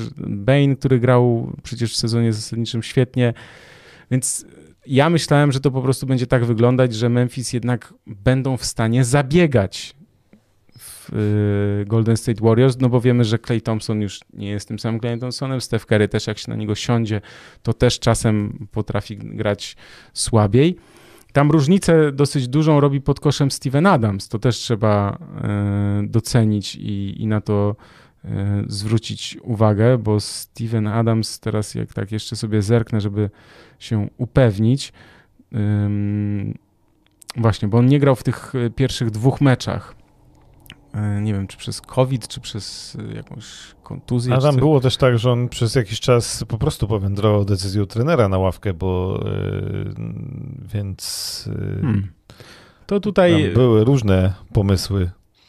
To może tak było. No dobra, no w każdym razie ta obecność Stevena Adamsa, no wiesz, w meczu numer e, tym mecz numer 4, 10 punktów, 15 zbiórek, teraz 7 punktów, 13 zbiórek. No, nie wiem dlaczego, skąd taki pomysł, żeby się dostosować do small, ball, small ballu e, Golden State Warriors. Ja bym jednak próbował grać wyższym składem i narzucić swoje, bo historia pokazała, że nie wiem, Houston Rockets albo jakieś inne drużyny, które próbowały rywalizować z Golden State Warriors na tak zwaną strzelnicę, no to to się nie da, tak? W sensie mm. to, wiesz, to, to jest jakby, to dajesz tylko prezent, więc jakby tutaj, no to, co wyszło w tym ostatnim meczu, no słuchaj, po prostu roz, rozjechali ich na miazgę, tak? To znaczy, wiesz, no Golden State Warriors, okej, okay, nie trafili paru rzutów, a tam po prostu poszła lokomotywa, w sensie na pełnej dynamice wszyscy po prostu na kosz, na kosz. I też trafili parę trójek takich, że to ułożyło mecz, nie? Że jakby już trener Mike Brown, bo też pamiętajmy, że Steve Kerr chyba ma koronawirusa, tak? Że dlatego yy, go nie ma z, z drużyną. Też powiedział, że jakby to już nie ma znaczenia jaką, jaka wysokość tej przegranej była, yy, bo on też odpuścił, tak, w końcówce, mhm. żeby jego zawodnicy, liderzy po prostu mogli też odpocząć. Natomiast no, to, jak wyglądali Golden State Warriors, straty, nie, to to jest jakby jakieś przedziwne i też, czekaj, ja tylko jeszcze mam tą ciekawostkę, że e, Desmond Bain to jest rekord tak? E, czekaj, już doczytuję. Rekord playoffów e, w tym rankingu plus minus, plus 46, mhm. natomiast Clay, Clay Thompson, Thompson minus 45, czyli kiedy oni byli na boisku, ci dwaj zawodnicy, to kiedy był Bane na boisku, to jego drużyna wygrała, wygrywała ten okres różnicą 46 punktów, a kiedy był Clay Thompson, to przegrała 45. To to jest w ogóle wow. Wow, w sensie to, na, wiesz, kiedyś to by było takie, że po prostu nie, to już się nie da podnieść i tak dalej. Natomiast dzisiejsza NBA jest taka, że dobra, ty przegraliśmy cztery dychy i teraz wygramy dwie dychy na przykład, nie? Że to jest, I na takim poziomie, tak? Że to jest w ogóle mhm. po prostu jakieś szalone coś, czego ja czasem nie jestem w stanie zrozumieć trochę. No tak, to prawda. I to jest znowu taka seria, w której wydawało się, że już e, wszystko jest pod kontrolą Golden State Warriors, a teraz znowu nie jestem do końca pewien, bo mam wrażenie, że Golden State Warriors z każdym meczem wyglądają coraz gorzej, to znaczy coraz gorzej wyglądają liderzy, coraz gorzej wygląda Steph Curry, Clay Thompson, e, też Jordan Poole ma mocne przestoje, to też jest ten case gościa, którym zachwycamy się jak trafia, ale on ma mecze, w których nic nie trafia. E, Taka jest I, domena strzelca, nie? no tak, tylko i teraz tak, no oczywiście dla Golden, wydaje mi się, że szansą dla Memphis, no co, jest zagranie następnego takiego meczu, znaczy takiego, w którym od początku wszystko Na wychodzi, pełnej... zabiegają i ten, bo jak, bo oczywiście może znowu być y, tak, że Steph Curry trafi 7 trójek, Clay Thompson 5 i, e, i, i Golden State Warriors wygra i zamknie serię. Jeśli to będzie mecz wyrównany, to też w tej końcówce tego Jamoranta może zabraknąć e, do, i, i tego doświadczenia. Natomiast y, no, okazuje się, że to, co działo się w sezonie zasadniczym, że tyle tych meczów wygranych przez Memphis Grizzlies bez Jamoranta w składzie, to nie jest przypadek. No, to jest naprawdę solidnie zbudowana drużyna. To jak oni bronią, biegają, to jedno. Jak oni bronią, e, to też oczywiście z tego wynika.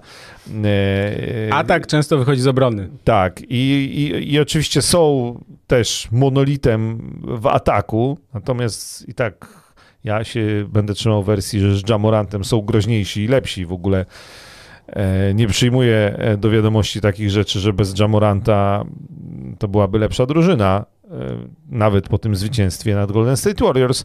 Ale mm, czy tu jest siódmy mecz możliwy? Wydaje mi się, że w tych wszystkich czterech seriach wszystko jest możliwe i siedem meczów w każdej serii jest możliwych, nawet jeśli ja mówiłem, że Phoenix Suns, nie dobra, Phoenix Suns zamknął to w sześciu, a w pozostałych trzech to... E, ja myślę, że... Teraz Golden State Warriors zamknął to. Właśnie wiesz, że nie. Ja coś mówi, nie wiem... A może Memphis się przełamali w sensie psychicznym, tak? Takim... Mm Właśnie, że ten mecz u siebie im dał jakby odblokował, że już grają, wiesz, już poczuli ten luz w nogach i, i w głowach, że jednak było trochę takiego spięcia wewnętrznego, psychicznego, że gramy z tymi słynnymi Golden State Warriors. W ogóle ja też mam taką myśl, że e, wiesz, byłoby, ta seria by się zupełnie inaczej, ja wiem, że tak można sobie gdybać, nie? Ale to już byłoby po zawodach, gdyby nie ten pierwszy mecz. No tak, gdyby Jamorant y, floaterka zamiast jakiegoś pchania się pod kosz trafił, tak? Tak, to znaczy, wiesz, że, że gdyby, te, gdyby Memphis Grizzlies wygrali ten pierwszy mecz, to ta, ta, ta seria się mogła zupełnie inaczej potoczyć. Oczywiście to jest takie gdybanie, wiadomo, to tam nie ma co, nie ma co tak gadać, ale że jakby że jeśli to się skończy, nie wiem, 4-2 dla Golden State, to myślę, że, no, że cała uwaga będzie skupiona właśnie na tym, że kurczę, ten pierwszy mecz, nie? Ja wiem, że to w zasadzie tylko pierwszy mecz, ale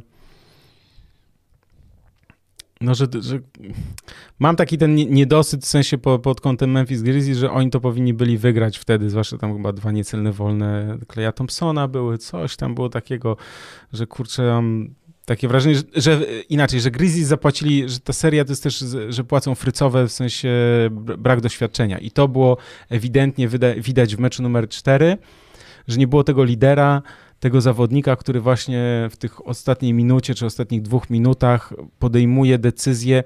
Bo wiesz co, można nie trafić rzutu. To jest jakby zdarza się, wiesz, Michael Jordan też nie trafił mnóstwo rzutów na zwycięstwo i w ostatnich tam minutach, sekundach i tak dalej. Ale czym innym jest walić bezsensownego babola, a czym innym jest po prostu mądra decyzja rzutowa, tak? To znaczy tu możemy się oczywiście spierać, czy rzut Damiana Lillarda z, wiesz, z 10 mhm. metrów to jest dobry rzut, bo Paul George, pamiętam, powiedział, że to był zły rzut, w sensie zła decyzja. Trafił, to znaczy, że była dobra teoretycznie, tak? Ale albo Damian Lillard no, miał tą pewność siebie, tak? W sensie, że jakby on pokazał, że też trafia z takiego dystansu, więc on miał do tego prawo. Gdyby to zrobił ktoś inny, nie wiem, Dylan Brooks na przykład, no to to mhm. byłby zły rzut, ale E, nawet jakby trafił, to byśmy mówili, że to jest no, fart, fart, farfocel wpadł w ogóle i tak dalej. Ale chodzi mi o to, że te decyzje, e, że Memphis Grizzlies zabrakło właśnie zawodnika, który tak jak Morant w tych końcówkach, okej, okay, on pamiętamy, że złą decyzję, nazwijmy to, że to nie był dobry rzut, Natomiast jednak piłka trafiła w jego ręce, tak jak w Bostonie nie trafiła w ręce tej Tuma w ostatnich akcjach, mhm. tak? Więc jakby tam to było źle rozegrane i tutaj też myślę, że że też e, no, będą sobie troszkę pluć w brodę, jeśli przegrają Memphis Grizzlies, no, aczkolwiek... No, no poza tym y, też jeden mecz im wygrał jednak Jamorant, y, no tak. więc... No ale to powinien wygrać Możecie dwa. mi tutaj wpisywać, tak jak pisze Jaro, dane z meczów mówią co innego, że tam lepszy bilans bez Jamoranta to jest lider tej drużyny i ja się tego trzymam. Znaczy... No tak, ale to był, wiesz, no to, no, to, to był sezon, sezon zasadniczy, tak? I teraz jakby mm. czwarty mecz pokazał, ym, że, no, że zabrakło tego lidera, tak? Że tam nikt, w sensie Dylan Brooks, Jezus, to on, może co on ma jakieś pomysły na, na, na to granie, w, znaczy on próbuje być tym liderem, natomiast to nie są dobre rzuty, tak? To, mm. to nie są dobre rzuty y, takie, wiesz, wypracowane, on tam jakiś, wiesz, erbole za trzy. Nie, nie, nie, nie, nie. nie. Więc, y, no dobrze, Wszyscy czyli... kochamy Jamoranta i mam wrażenie, że wrócimy jeszcze do tego nazwiska przy tej temacie zmiany pokoleniowej już za chwilę, już za moment. No to tak, ale to jeszcze sekunda, bo ja chciałem jeszcze powiedzieć o meczach numer 7. Dobra, po, po, pomówmy chwilę, w ilu, w, który, w ilu seriach twoim zdaniem będzie mecz numer, będzie siódmy mecz? No Boston wygra w siódmym meczu. Mhm. Ja wiesz co, teraz tak patrzę i sobie myślę, że równie dobrze nie może nie być nigdzie. E, dobra, jakbym, e, to, to powiem ci inaczej. E, ma mimo wszystko e, papiery na to, mimo trudnej sytuacji mm, Boston, żeby dociągnąć do meczu numer 7. Znaczy, biorę pod uwagę, że nie mogą wygrać mecz w Milwaukee i, mhm. i, i wrócić do Bostonu. E, w Miami, Filadelfia też grają w Filadelfii mecz numer 6. Harden nam pokaże, że jeszcze żyje, a Embiid e, pocierpi znowu trochę. To na, dobra, na wschodzie niech będzie, że Co z tymi Memphis mam zrobić? Ja nie. Ja mam problem z nimi. Phoenix, Phoenix nie będzie. Będzie 4-2. A wiesz, wiesz, co, wiesz, jaka może być śmieszna sytuacja? Dobra, może ja się nie będę... No, no. Nie, słuchajcie, to jest naprawdę, że my Bo mówimy, co może się... teraz, ty mnie pytasz, a ja w sumie po godzinie gadania mówię, w sumie to ja nie wiem, gdzie będzie siódmy. Nie, no wiesz, jakbyśmy wiedzieli, to byśmy tu nie siedzieli, tak? To trochę jest takie, można zawsze tak powiedzieć. My możemy opowiedzieć, co się musi zadziać, żeby jedni wygrali, albo co się musi zadziać, żeby drudzy wygrali, bo to jakby to jest to, to możemy, nazwijmy to, powiedzieć, natomiast typować i być pewnym, że zadzieje się to i to, no to już jest za wysoki poziom w tej chwili rywalizacji. Te mecze są zbyt zacięte, zresztą po tych pierwszych dwóch, gdzie nam się wydawało, że pewne serie już będą po jabłkach, to okazało się inaczej. Wiesz, ja bym się nie zdziwił, ja nie mówię, że tak będzie, ale ja, się, ja bym się nie zdziwił, jakby jedyną parą, w której będzie mecz numer 7 było Golden State Warriors, Memphis, znaczy Memphis Grizzlies Golden State Warriors. No też tak może być. Też tak może być, bo, bo też, wiesz, biorąc obiektywnie, to Miami, Milwaukee i Phoenix mogą zamknąć to teraz w następnych meczach, a na przykład Memphis może zagrać kolejny taki mecz jak ten ostatni i będzie, 6, będzie 3-3 i i siódmy mecz, to też, więc y, słuchajcie, nie powiemy wam.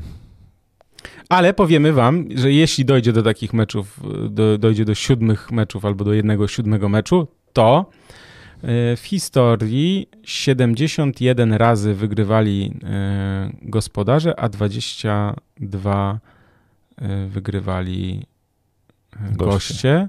I to jest skuteczność 77%. Czyli jak zaokrąglimy, to prawie 80% y, wygrywają gospodarze, aczkolwiek, mówię 80% prawie to, to jest dosyć dużo, nie? Tak sobie myślę, mhm. ale sobie tak sprawdziłem i w ostatnich latach to zobacz, mecz numer 7 był na przykład y, Philadelphia-Atlanta i to Atlanta wygrała w zeszłym roku. Też był mecz Brooklyn Nets-Milwaukee Bucks po dogrywce Milwaukee wygrało.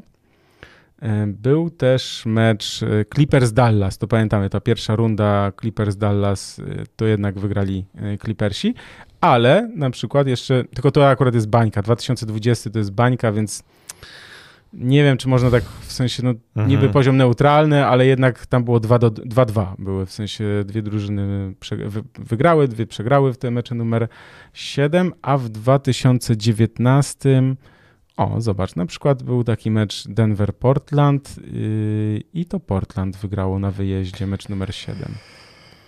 Więc to takie ciekawostki. W 2018 Houston przegrało z Golden State Warriors mecz numer 7 u siebie. I też Boston przegrał w 2018 z Cleveland u siebie. Więc w tych ostatnich latach, w tych osta- tak. nie, ja tylko chcę powiedzieć, że w tych ostatnich latach tych gości wygrywających mecz numer 7 to paru było, tak? I to nie jest raczej 80%, y, które, które gdzieś tam historia nam y, pokazuje, tylko no, to może być ciekawe. Tak, myślę. w meczu numer 7 się naprawdę wszystko może wydarzyć i mm, dlatego Wiesz, tam Michael Jordan, Chicago Bulls unikali meczów numer 7 i zazwyczaj kończyli e, wcześniej serię. Ehm, zaraz, bo tu miałem jeden fajny. A, wiem. Maja Wasilewska, pozdrawiamy. Mój stary ciągle was ogląda i nie chce mi zrobić kolacji. Pozdrawiamy, co, pozdrawiamy starego i pozdrawiamy Maję. Pozdrawiam ta, ta, ta, Smaczne, Wasilewskiego. Smacznego mimo wszystko życzymy. Ja znam ten ból. Moja córka będzie. też tak mówi, w sensie, że tata znowu coś ogląda, jakieś NBA. No ale to tak. Dobrze, yy, drzewko na koniec tego, drzewko. tego rozdziału. Poprosimy o drzewko, tak dla formalności, żeby jeszcze tutaj zobaczyć. Więc no, drzewko, jak to drzewko? Jest takie, jakie jest. Czyli 3-2, 3-2, 3-2, 3-2, ale tylko jedyna para, w której jest 3-2 dla drużyny niżej rozstawionej, to jest Golden State Warriors, a więc mecz numer 6 e, Golden State Warriors A nie, zaczekaj, przepraszam, Milwaukee Bucks też mają mecz. Ojej, przepraszam, co za błąd w ogóle log logiczny. E, Golden State Warriors mogą u siebie zamknąć serię, Milwaukee Bucks mogą zamknąć serię u siebie, natomiast Miami Heat i Phoenix Suns muszą wygrać na wyjazdach, żeby to się zakończyło 4 do 2. No i z tego względu Milwaukee Golden State Warriors przynajmniej teoretycznie w trochę lepszej sytuacji. Zobaczymy jak to będzie. Na pewno powinno być ciekawie. Tak jest. No dobra, to co? Przechodzimy do dalszej części, yy, bo mamy tu jeszcze kilka y, tematów. Ja chciałem chwilę o Brooklyn Nets powiedzieć, bo Ben, ben Simmons przeszedł operację, raczej zabieg. On miał y, przepuklinę chyba w ogóle tam w, w tych ja już się zgubiłem. Z plecami tam. Z plecami miał problem i rzeczywiście jak zrobili mu rezonans, to okazało się ostatnio, że ta przepuklina się powiększyła i dlatego była potrzebna ta operacja, ale na szczęście to nie, nie była jakoś super poważna operacja, tylko on gdzieś tam za trzy miesiące może już wrócić do, do treningów. Yy, była taka konferencja prasowa y, zarządu, nazwijmy, czy władz y, Brooklyn Nets. Y, był też trener Steve Nash, był Sean Marks, więc jakby pa, parę tam pytań ciekawych zostało zadanych i krótko, bo myślę, że nie ma co też tutaj się rozwodzić na ten temat, ale to jest dość ważne. Bena Simonsa będą wspierać, jeśli chodzi o jego powrót na parkiet i to, żeby on się odbudował psychicznie, dużo takich tam było takiego mówienia dookoła i żeby tylko nie urazić Bena Simonsa, żeby tam to tak mogłem ja zauważyć. Mm, no bo rzeczywiście oni potrzebują tego zawodnika, tak? On ma mhm. ważny kontrakt, on, on musi grać, tak? Więc jakby no, ma e, warunki, nazwijmy to już cieplarniane teraz, bo już oni tam na niego chuchają, dmuchają już po prostu mm, no chcą, żeby, żeby wrócił i żeby grał tak, jak on kiedyś grał. Natomiast jest pytanie, było pytanie o Kyriego Irvinga, no i yy, Kyrie Irving ma opcję zawodnika, czyli może przedłużyć kontrakt sam, w sensie o jeszcze jeden rok, natomiast może też oczekiwać, że po tym przedłużeniu zostanie, znaczy po, tym, po tej opcji zawodnika, że zostanie mu e, zaproponowane 248 e, milionów za 5 lat. Więc tak, po pierwsze Nets muszą zaczekać na to, co zrobi Irving. Natomiast czy oni będą chcieli od razu go przedłużać? Myślę, że to było bardzo ryzykowne. Ale różnica, różnica między Jamesem Hardenem, bo to jest taka sama mm. sytuacja jest Hardena i, i Irvinga, Różnica jest taka, że Kyrie Irving nadal potrafi grać na bardzo wysokim poziomie, natomiast James Harden najprawdopodobniej już na ten swój najwyższy poziom nie wejdzie, ja aczkolwiek ja jeszcze je zostawiam... trzech lat w CV, jakby Irving jest 3 lata młodszy od Hardena. No, no i wiesz, budowa ciała też, kontuzje, te ostatnie zwłaszcza, znaczy Irving też miał sporo kontuzji w karierze, ale widać, że nie wpłynęły one tak bardzo na niego jak na, jak na Hardena, tak? Tam y, to ścięgno udowe naciągnięte u, Hardena, to, że doprowadził siebie do stanu bambaryły y, i pasi brzucha w jednym, to to jest w ogóle istny dramat. Więc yy, ja zostawiam sobie taką gwiazdeczkę przy, przy Hardenie, że jeszcze ja bym go nie spisywał na straty, w tym sensie, że być może jest tak, że jeśli on jeszcze przepracował lato i wrócił do tej formy y, fizycznej, y, to że jeszcze on jest w stanie grać na wysokim poziomie, aczkolwiek mam wątpliwości. Natomiast Kyrie Irving potrafi grać nadal i jest wirtuozem czy czarodziejem, jeśli chodzi o koszykówkę. Natomiast pytanie jest takie, czy po prostu chcesz inwestować w takiego gracza, który. Ja mam takie poczucie, że Kyrie Irving, jak już nie będzie obowiązków, w sensie nie, nie wiem, szczepień, już w ogóle znajdzie jakiś inny temat. Nie, no tak, bo on ma dużo, mam wrażenie, ciekawszych rzeczy i tematów w życiu niż yy, koszykówka. Natomiast. Przecież on, przepraszam, jeszcze tylko, że ci przerwę, ale on przecież jak wziął urlop, pamiętasz? E, mhm. dwa sezony temu, on w trakcie sezonu wziął wolne. Zaginął w akcji. odnalazł się na urodzinach z siostry, no, no, bo no. ktoś tam nagrał, wiesz, ten. Natomiast on potem to tłumaczył, że yy, no, był ten atak na yy, Kapitol i on się tym bardzo przejął. Wiesz, to... znaczy, ja, ja, rozumiem w sensie kwestie społeczne, jakby, wiesz, no, z, yy, może jak się nazywa ten zawodnik, który ostatnio był w Lakers, a który zrezygnował z grania, bo się poświęcił.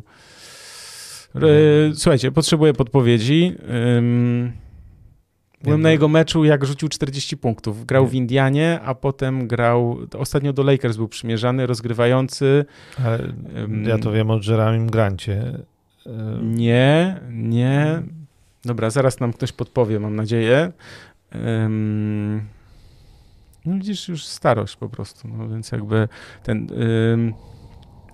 Więc... Y, ale to trzeba podjąć decyzję, albo w prawo, albo w lewo, tak? Znaczy, jak chcesz się zaangażować społecznie, to okej, okay, ale no, no nie, czekajcie, bo mi po prostu... Jak ja mogłem to zapomnieć? Darren Collison? Tak! Krzysiek, ale 81, ale ja też 8-1 jestem, no, podpowiedział. Dobrze. Dzięki, dziękuję wszystkim, którzy, tak, byłem na jego meczu, jak rzucił cztery dychy, no. I a Blake Griffin też rzucił cztery dychy wtedy. Albo jeden rzucił 41, nieważne. Ym, więc on, przecież on zniknął, tak? W sensie zrezygnował, bo się tam poświęcił na coś tam. W sensie, ja to rozumiem. Jakby można. No dobra, no ale można też, nie wiem, jak LeBron James jednak yy, grać, tak. grać, grać na jednak wysokim poziomie i to godzić. Znaczy, to bardziej chodzi o, nie wiem, osobowość Irvinga, jego. Tak, o sposób zaangażowania, poświęcenia. Tak, że też jakby dziwnie no, nie wiem, komunikacji nawet z, mediami, z jakby ogłaszania tego, bo to ja, wiesz, ja już wolałem Denisa Rodmana, który też potrafił sobie zrobić wakacje, ale przynajmniej było jasne, że pojechał do Las Vegas na tydzień o się odstresować i tyle, no i e, wrócił i, i, i było wszystko ok. No, e, jest to ryzykowne, natomiast Kyrie Irving wciąż jest e, fantastycznym koszykarzem. To jest pytanie też, jak jakie są opcje wyboru i jaka jest tak naprawdę ma być przyszłość Brooklyn Nets, bo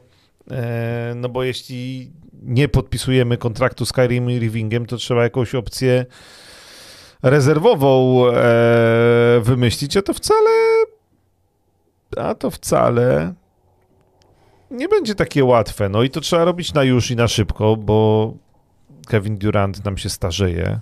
On ma akurat tyle lat co Harden, nawet rok starszy jest, 34 lata. Wieczny nie będzie. Jak ma jeszcze jakiś pierścień zdobyć, no to e, no to to jest może ryzykowna opcja z Irvingiem i Benem Simonsem, no, natomiast Ja przesadziłem, taka... znaczy ja aż mu odebrałem, bo on ma na następny sezon 36,5 miliona, Kyrie Irving, tak, więc jakby... Natomiast oni mają tam problem, wiesz, wróci Joe Harris, Seth Curry ma jeszcze jeden sezon ważny kontrakt, Patty Mills podejmie pewnie opcję zawodnika za 6 milionów, natomiast Bruce Brown, Andre Drummond, to się kończą umowy, Nick, Nick Claxton też i no oni będą musieli też z kogoś, kogoś ściągnąć, nie? To też mhm. nie będzie takie proste, bo Kevin Durant ma umowę do, ojej, 2026. Boże, to strasznie daleko jeśli chodzi o czas. Nie, no tam tak, no to te playoffy pokazały i ten sezon pokazał, że tam trzeba uzupełnić skład i to całkiem mocno, no ale powiedzmy, że e, no jest y, jakaś tam opcja pielęgnacji tego, co mamy, czyli Simons, Irving, Durant z nadzieją, że, że to wypali, no a, a resztę trzeba dobudowywać. Albo rezygnujemy z Kyriego Irvinga, no ciekawe. Dobra, yy, przechodzimy dalej, bo ty chciałeś też pogadać o MVP. No tak, bo wiemy już, że MVP tego sezonu został Nikola Jokic. Yy, wręczona mu nagroda już w Serbii, yy, w jego rodzinnej miejscowości, gdzie zajechał yy, Rydwanem. No, rydwanem, powozem E, tak, bo wiemy, że Jokic jest absolutnie fanem koni, uwielbia konie, jeździć konno też właśnie we wszelkich powozach, e, za, za, zaprzęgnięty, więc, więc tam delegacja w ogóle z e, Denver Nuggets przyjechała z nagrodą, było fajnie, było fantastycznie, tak w stylu Nikoli Jokicza, tylko szkoda, że no to było na wakacjach i e, słuchajcie, Ja nie wiem, czy ja powiedziałem, że nie będzie Nikolaj Jokic. Na pewno ja wolałem na przykład Davida Bookera, a też pewnie wolałbym Joela Embida, który zajął drugie miejsce w głosowaniu. Janis zajął trzecie miejsce w głosowaniu. Bo powiem ci tak, wypisałem sobie zawodników, którzy, ta nagroda jest od 56 roku przyznawana, Mhm. którzy y, do tej pory w historii zdobywali MVP dwa razy z rzędu, albo więcej czasami, no ale przynajmniej dwa razy z rzędu. I to jest, wiesz, Bill Russell, Will Chamberlain, Karim Abdul-Jabbar, Moses Malone, Larry Bird, Magic Johnson, Michael Jordan. Tim Duncan, Steve Nash, LeBron James, Steve Curry e, i Steph Curry. Ste- Steph Curry i e, Janis. Mhm. No i teraz Nikola Jokic. Jak dla mnie, to w tym towarzystwie nie pasują dwa nazwiska i to jest Steve Nash i to jest Nikola Jokic. Steve Nash już mi zawsze będzie nie pasował, bo już zakończył karierę i tego nie naprawi. Nikola Jokic jeszcze teoretycznie ma szansę to naprawić. Ja wiem, że tą nagrodę się przyznaje za sezon zasadniczy. Ja wiem, że Nikola Jokic jest zawodnikiem wybitnym, unikatowym. Yy, drugiego takiego nie ma. Natomiast ja ciągle mam jakiś taki dysonans, że wiesz, te nagrody dla Steve'a Nasha, dwie z rzędu, coś tam jest nie halo, nie? Jak jesteś w takim towarzystwie takich ludzi, którzy tyle wygrali, e, no to Steve Nash, który też był świetnym zawodnikiem, jako podwójny MVP, gdzieś tu mi, mi tak jakoś nie do końca pasuje. Nikolaj Jokic też mi na razie nie pasuje. Znaczy fajnie dostał w tamtym roku nagrodę, spoko, natomiast no właśnie, no to jest to pytanie i to, to mi się, wiesz, czy grając na, nawet bajecznie, niesamowicie i, i nikt inny tak nie gra, ciągniesz swoją drużynę na tam piąte czy szóste miejsce na zachodzie, odpadasz w pierwszej rundzie playoffów, jesteś totalnie, no tak, oglądaliśmy genialnego Nikolę Jokicia, oglądamy od paru sezonów, a w tych dwóch ostatnich przede wszystkim, natomiast później oglądamy bezradnego Nikolę Jokicia, który e, z drużyną, tak, w której nie ma Mareja, nie ma e, Portera Juniora, no jest bezradny i odpada w pierwszej rundzie. E, I to jest taki dysonansik. No, nie chcę Wiem, nic wiem. chłopu odbierać, bo fajny jest i gra wspaniale. Natomiast no, weź to potwierdź w playoffach. E, Wiem, że sam tego nie zrobi. Natomiast, natomiast no, tak patrzysz na te nazwiska i dwa mi nie pasują. No. No wiem. Wiem. Wiem o czym mówisz. Trochę nie wiem, jak się do tego odnieść. W sensie takim, że yy, przeważnie było tak, że ja pamiętam powiedzmy to 30 prawie lat mojego śledzenia NBA, że prawie zawsze było tak, że jednak ten MVP dostawał przed meczem drugiej rundy, bo wiesz, bo ta jego drużyna, było wiadomo, że ta drużyna awansuje. Prawie zawsze chyba. Janis gra, Embiid gra, Booker gra, bo był czwarty w tym głosowaniu. Tak, tak, że to, Nie że to ma znaczenie, że to pozostawia taką pewną rysę. Z drugiej strony, no, gość grał rewelacyjnie cały sezon, pociągnął tę drużynę praktycznie w pojedynkę na szóste miejsce. Te rekordy kolejne bił i tak dalej. Embida trochę nie było. Narracja. Myślę, że po tym sezonie, wiesz co, myślę, że takiego małego kacyka będzie paru dziennikarzy miało i myślę, że w przyszłym sezonie nie będzie takiej w ogóle rozmowy. I dostanie ktoś z top 2, top 3 wschodu lub zachodu. Ja jestem za tym, żeby tak. W ogóle dla mnie, do mnie nie trafiają te argumenty, że no nie, nie wybierajmy z Phoenix, bo tam jest Chris Paul i Devin Booker, nie? I to e, ich jest dwóch. No. E, no okej, Embiid nie grał e, dużo, Luka Doncic e, przespał pierwszą część sezonu. No ja, tak, no i tak mniej więcej, wiesz, no Nash też dwa razy został MVP w czasach, kiedy biegali po parkiecie Kobe Bryant, e, Shaq, Tim Duncan, Kevin Garnett i jeszcze paru innych ludzi i dwa razy z rzędu Steve Nash był. No fajny, Steve Nash naprawdę. No, ale wtedy też Phoenix chłopak. grali znakomicie, No, tak? no dobrze, no grali znakomicie. Natomiast ding ding, lekki ząg. Mimo wszystko. E, pytanie, kiedy Doncic zostanie MVP. No jest na to szansa. Wiesz co, jakiego drużyna będzie w pierwszej trójce, to czemu A do tak tego już nie jest być? blisko, no to tak. To ja, to ja myślę, że, że tak będzie. Skasować MVP sezonu zasadniczego, MVP finałów, przyznawać MVP całego sezonu po ostatnim meczu finałów. No, e, myślę, że NBA tego nie zrobi. Nie, to jest, to to jest, jest- takie europejskie, chociaż w koszykówce też MVP finałów, chociażby tam w Eurolidze wybieramy oddzielnie. Natomiast, y, natomiast na razie to trzeba powiedzieć, że NBA dołożyło do następne nagrody MVP, bo będą przyznawane od tych finałów konferencji MVP finału konferencji wschodniej imienia Larego Berda Mhm. i w MVP finału konferencji zachodniej imienia Magica Johnsona. Więc jeszcze dodatkowe dwie nagrody MVP doszły w finałach konferencji. No, rozumiem. Dobrze. Więcej pucharków do postawienia na Tak. półeczkę. Tak, tak. Dobra, słuchajcie, y, przenieśmy się do słonecznej Kalifornii, gdzie nowym trenerem Sacramento Kings został Mike Brown. Y, Będziemy o tym rozmawiać? Nie, ja to tylko w formie żartu, bo nie wiem, czy widziałeś w studiu TNT po meczu, e, po meczu jak właśnie Warriors dostali tam w papę, przegrywali 50, pokazali takiego, nie, to nie mema, bo to było to nagranie takiego psa, który miał taką straszną minę, siedzi przy, pies przed telewizorem, taki przerażony w sensie i, i że to są kibice Sacramento Kings, którzy właśnie się dowiedzieli, znaczy, którzy właśnie obserwują swojego trenera, który właśnie dostał, wiesz, cztery dychy w, w papę, więc... Ym, ym, to taki żart, natomiast chciałem, żebyśmy. Ale oni powinni być przyzwyczajeni do dostawania. No ale liczą na to, że liczą na to, że coś się jednak zmieni, wiesz. No jednak pamiętajmy No. o tym, że wiesz, no, że jednak y, liczą, że coś się zmieni.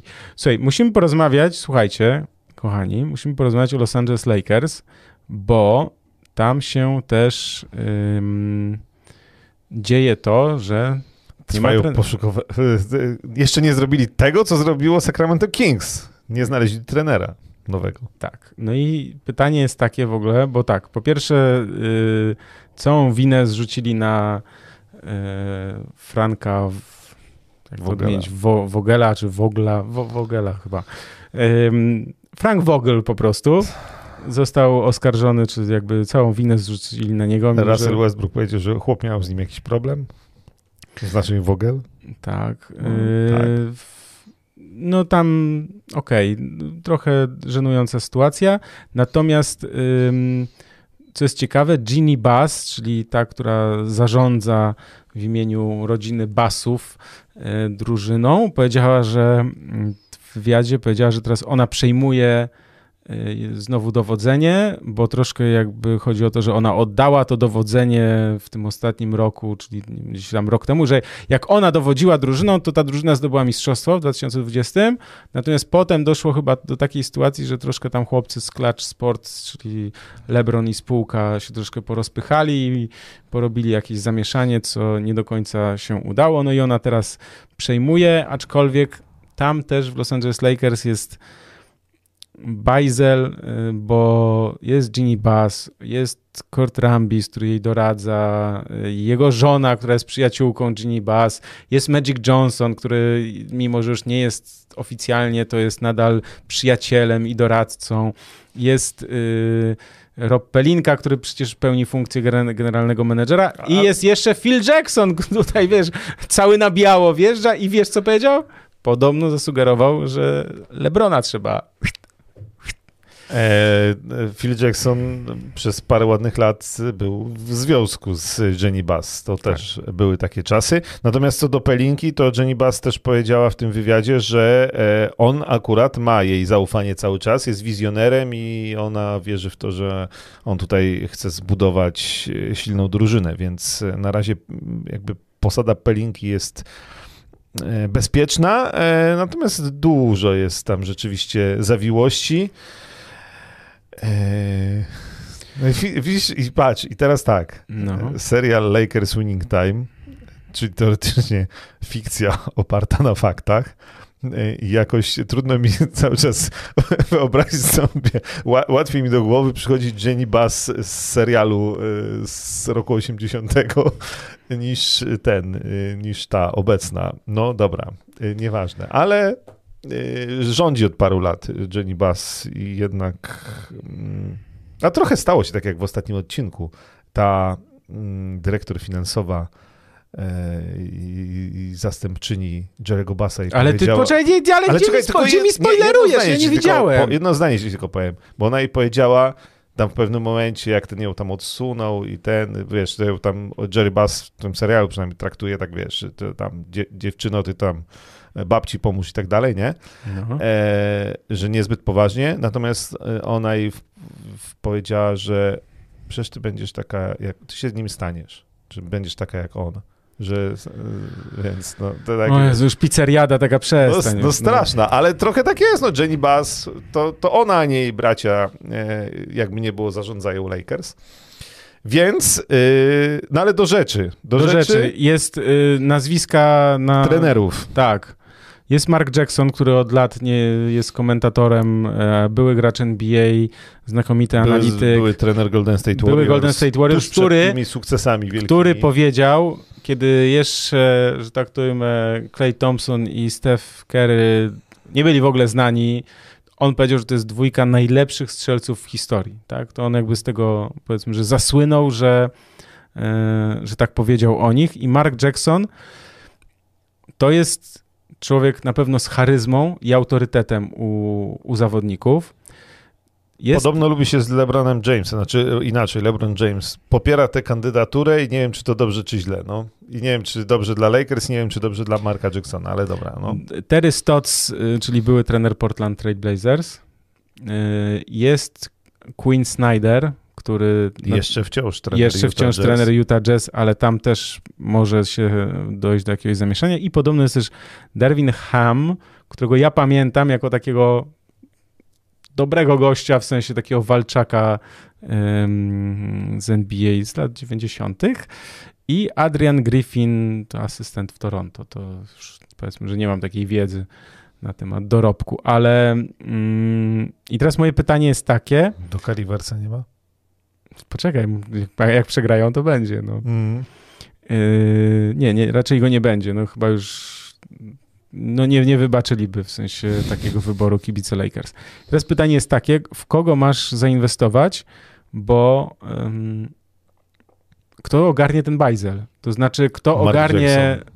Właśnie, wiesz, że bo Terry Stotts mi trochę przypomina w ogóle tego trenera Lakers z serialu. W sensie nie w, nie, nie w aparycji, tylko w takim... No ty, on prawie 10 lat pracował w Blazers. Nie, Terry Stotts jest w ogóle fachowcem i tak dalej, tylko że to jest gość, który nie pasuje do, do Showtime w sensie takim, że do, wiesz, do Hollywood nie pasuje. O, Terry Stotts idealnie, to, to jest moje jakieś wyobrażenie, tak, że on idealnie pasuje do koszykówki poukładanej, zawodnicy, każdy zna swoją rolę, ty jesteś liderem, a tu przez ten sezon, słuchaj, przez pół roku, tam będzie nawalanka, w sensie w szatni, będą jęki, stęki, yy, Jeśli ta drużyna ma tak wyglądać, jak wygląda, no dobra, coś tam trzeba pozmieniać, ale na zasadzie, że zostaje LeBron James, zostaje Anthony Davis, nie wiem, nie zostaje, rozumiem, Russell Westbrook. Chociaż, O tym też za chwilę powiem, bo pojawiły się tam- kolejne nadzieje. Że tak powiem, po, przepraszam za wyrażenia, cholera wie, czy on nie zostanie. Natomiast y, dlatego mi się wydaje, po pierwsze Marka Jacksona chciałbym zobaczyć y, fajnie w ESPN, wszystko wspaniale, natomiast ja chciałbym go zobaczyć jeszcze na ławce Ja trenerskiej. też, ja uważam, że, że, że jak najbardziej w sensie zrządzenie losu tylko sprawiło, że on nie jest trenerem. Być może miał jakieś propozycje, których nie przyjął przez ostatnie lata, natomiast to nie jest gość, który wypadł i się nie nadaje, tak? Tak, on, to nie, jest... on, on y, przyjdzie i jest w stanie taką, tą, jeśli ktoś to ma zrobić, to wydaje mi się, że nie Darwin Ham, który był asystentem, nie właśnie Terry Stotts, tylko no to, to trzeba, tam trzeba pozarządzać ego, no, trzeba ułożyć, y, wiesz, tą drużynę, która jak już wiemy nie jest łatwa do ułożenia, z mnóstwem problemów.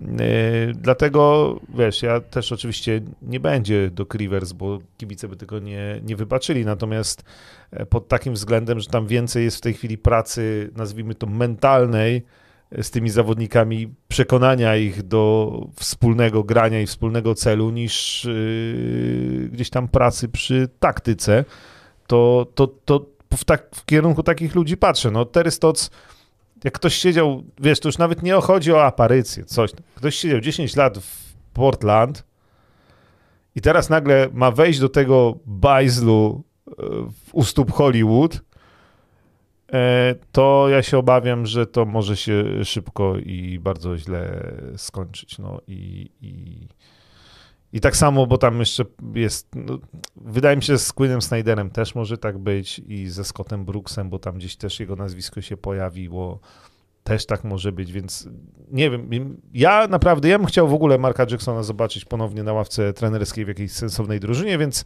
może to jest ten moment, w którym porzuciłby pracę dla ESPN i, i, i wrócił Jeśli ktoś ma ogarnąć ten bałagan, to myślę tylko, że właśnie zawodnik, znaczy nie zawodnik, tylko trener, a były zawodnik, którego też wiesz, szanują i, i, i znają i kojarzą, no, że ta ta więź, nazwijmy to, jest trochę inaczej budowana, że to jest taki trochę jak Tyron Lu, tylko że Tyron Lu jest młodszy, a Mark Jackson jest starszy, ale że to jest taki yy, trenero-kumpel trochę, taki trenero-zawodnik, tak? Ale jednocześnie się, mam wrażenie, że, że jednak z, z autorytetem. Oczywiście, nie, że tam wiesz, spadaj, no. tylko że z autorytetem naprawdę takim, że wiesz, że, że, szanują, tak? Trochę właśnie, trochę taki grający trener, więc jakby tu bym, no, jedyną trochę nadzieją, no, w sensie na, na, na to bym tak tak patrzył dla, dla Lakers, aczkolwiek jeszcze chcę powiedzieć o tym, że pojawiły się kolejne jakieś takie ploteczki, na razie to są wymysły, jeśli chodzi o, o to w ogóle, co się może zadziać, ale, bo my mówiliśmy, pamiętasz o tym, że Russell Westbrook jest niewymienialny, nie? Natomiast yy, mówiliśmy, że za Johna Walla i tak dalej, gdzieś potem mówiliśmy o tym, że może y, właśnie któraś z drużyn, która będzie chciała się pozbyć, mówiliśmy o Charlotte Hornets, że wiesz, kontrakt Gordona Haywarda może by chciał Michael Jordan Y, opuścić, pożegnać, y, pozbyć się go.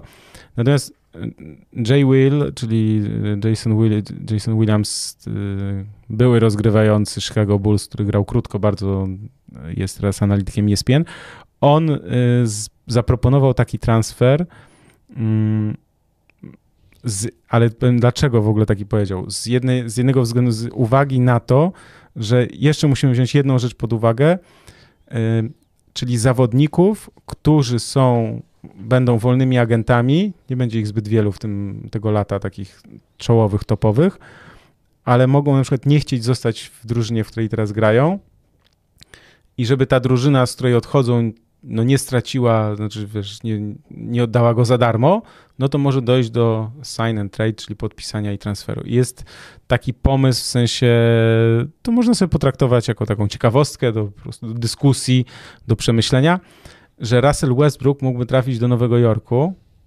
ze względu na to, że Zach Lavin, który dołączył do agencji LeBrona Jamesa i Richa mm -hmm. Pola, tak? Mm -hmm. może chcieć pójść do Lakers, ale no nie może tam podpisać, tylko musi być sign and trade, więc podpisujesz Zaka Lawina na kilka lat, pozbywasz się jednorocznego kontraktu Russella Westbrooka, natomiast do Chicago Bulls trafia Julius Randle i na przykład Evan Fournier to jest jakieś tam, takich rzeczy można sobie poukładać różnych, mnóstwo, natomiast warto obserwować, ja to chcę powiedzieć z tego, z tego powodu, że warto obserwować to, co się będzie miało zadziać z zawodnikami właśnie, którzy tak jak Zaklawin, nie, nie wiemy o jego przyszłości, jaka jest jego przyszłość, ale czy, jak on chce, co on chce, ale że może dojść do, do właśnie takiej, takiej sytuacji. Pytanie oczywiście, czy chcesz Zakowi Lawinowi zostawiać Lakers, e, jak LeBron zakończy karierę i z Davisem. Oczywiście, że nie, bo to nie jest twój powiedzmy wybór, bo chciałbyś super gwiazdę, kogoś takiego super. Tylko pytanie, jak ja masz inny wybór? Nie, no to jest wybór na teraz, no, na to, no, żeby... Lakers chyba są, tak, znowu są pod, y, no, pod ścianą na zasadzie takiej, że oni muszą, znaczy oni muszą wykorzystać jeszcze jeden rok max 2 LeBrona Jamesa, tak? W sensie w jakiejś tam formie jakiejś formie, no pytanie, co to będzie z LeBronem Jamesem w przyszłym sezonie. Ja mam na ten mm, temat pytanie, teorię, ale to nie jest zbyt dobra, więc nie będę kibicą tak, Lakers. pytanie też, co z Antonem Davisem, bo yy, jakby wygląda człowieka, który nam się bardzo szybko e, zestarzał i przez kontuzję nie wiem, czy jeszcze jest możliwy powrót do, e, do wielkiej formy Antonego Davisa. To myślę, że jest największe pytanie. Teoretycznie LeBron, Davis, Zaklawin wygląda nieźle, natomiast patrząc w metryki, to już po tym sezonie jesteśmy mm, mocno ostrożni. Tak, no poza tym też ta blokada tej płac, no to, że nawet, nawet jak Lawin by do, dołączył, tak, to jeszcze musisz podpisać innych zawodników, tak, to znaczy musisz kogoś tam pozyskać i tak dalej, to będzie mhm. bardzo trudne. Ale zostawmy to, y, co my się będziemy martwić, niech oni się martwią. Tak jest. Czy my o zmianie pokoleniowej jeszcze pogadamy? Tak, bardzo proszę. Ja, czy ja mam zacząć? Nie wiem, napisałeś mi coś takiego, że może siedmiu ludzi, którzy przejmą ligę. Pomyślałem sobie, fajny temat, ale za chwilę zacząłem wypisywać i w sumie ja doszedłem do wniosku, że nie powiem tu chyba niczego odkrywczego. Znaczy, to jest raczej skreślanie nazwisk, y, y, bo mam ich za dużo. Natomiast też tak patrząc na poprzednie lata, poprzednie drafty, to nie wiem, czy jestem w stanie na przykład powiedzieć jakieś nazwisko gracza, tak jak Nikola Jokic na przykład, tak, który za teraz mhm. Gdzieś tam gra, nie wiem, średnio przeciętnie, nie jest pierwszoplanową gwiazdą, a za kilka lat będzie walczył o MVP. To nie wiem, czy masz takich kandydatów, ale. Mam. Masz. Mam. To. Yy... No dobrze, to nie wiem. To, to może ty zacznij, tak? Bo ja mogę powiedzieć oczywiste oczywistości. Dobra, znaczy tak, na pewno będziemy się zgadzać odnośnie tego, bo słuchajcie, jest tak, że rzeczywiście jesteśmy świadkami, jesteśmy troszkę przed tą zmianą pokoleniową w tym sensie, że LeBron James już jest bliski końca kariery, nie wiadomo ile pogra, może nawet jeśli pogra kilka sezonów, no to już jakby jeśli jeszcze jeden sezon będzie grał na takim bardzo wysokim poziomie, jeśli Lakers będą że to to będzie wielki sukces tej drużyny, a tak naprawdę raczej mi się wydaje, że oni mogą awansować do playoffów przy jakimś tam dobrym wietrze. Ale to dzisiaj nie wiemy, jaki skład będzie i tak dalej, nie? Ale jakby yy, wiemy, że Golden State Warriors też się starzeją. Yy, James Harden też się starzeje, y, Kevin Nawet Durant też. Damian Lillard się starzeje. To są no. wszystko zawodnicy, którzy mają po... Lillard ma 32, no ale Durant ma 34. Kerry ma 34, Harden ma 33 lata. No to... Wiadomo, że już ludzie typu Carmela Antonego, no to już jest właściwie e, gdzieś tam końcówka. Oczywiście są przebłyski jak Chris Paul, e, który nagle przestał się starzeć. Natomiast no wiemy, że że. No tak, ale tu są... masz, ale zobacz, że u Chrisa Pola masz grę na tak zwanej rutynce, a nie opierasz jej na, tak jak u Hardena, na dynamice na przykład, tak? Bo Chris Paul, nawet jak troszeczkę stracił w, w tej swojej fizyczności czy, nie wiem, szybkości, to jednak znakomite podania, cwaniactwo ogromne, w sensie takie pozytywne, koszykarskie, mhm. tak? Więc jakby to y, musimy jakby pamiętać, że jakby no, że on rzeczywiście y, jest wyjątkowy w tej sytuacji, tak? Znaczy, jeśli chodzi o Stefa Kerego, no to też jeszcze, wiesz, no co, sezon, dwa, trzy góra będzie na takim poziomie grał, zobaczymy jak będzie z kontuzjami i tak dalej. Ale chodzi mi o to, że po prostu, y, żeby powiedzieć, że to sprawdzimy sobie za, za kilka lat, w sensie za rok, dwa. Bo ja na przykład uważam tak, o ile Ja Morant, wiadomo, że jest już super gwiazdą NBA, mimo że brakuje go teraz i tak dalej, to ja myślę, że też się zgadzamy, to też mówiliśmy w poprzednim odcinku, że takim Morantem w przyszłym sezonie może być, czyli że może wskoczyć tak wysoko, Anthony, Edwards. Edwards. Tak jest. I to Ten na... chłopak ma dopiero 21 lat. Jamorant ma 23. Moim zdaniem Anthony Edwards jest graczem pokroju, znaczy kaliber MVP, tak? To znaczy, że ten chłopak będzie robił rzeczy niesamowite. Naprawdę, jak nie w przyszłym sezonie, to za dwa.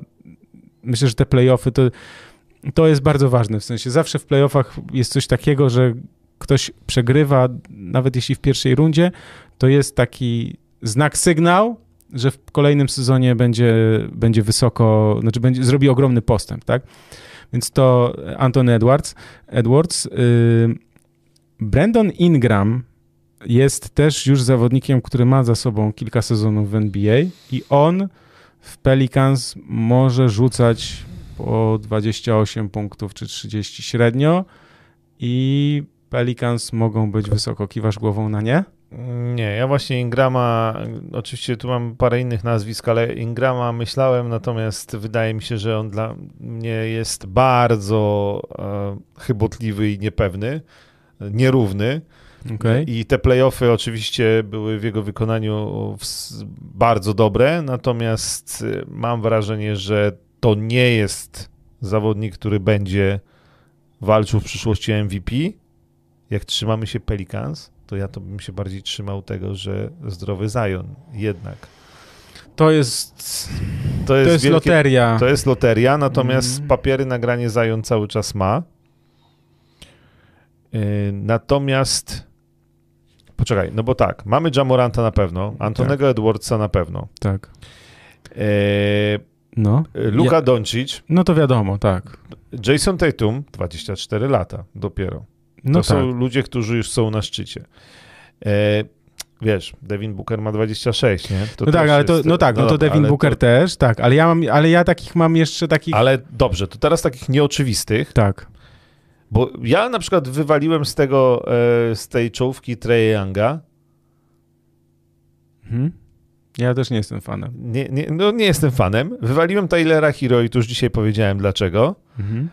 E, natomiast po tym sezonie uważam, że Darius Garland okay. ma papiery na to, żeby być mega gościem.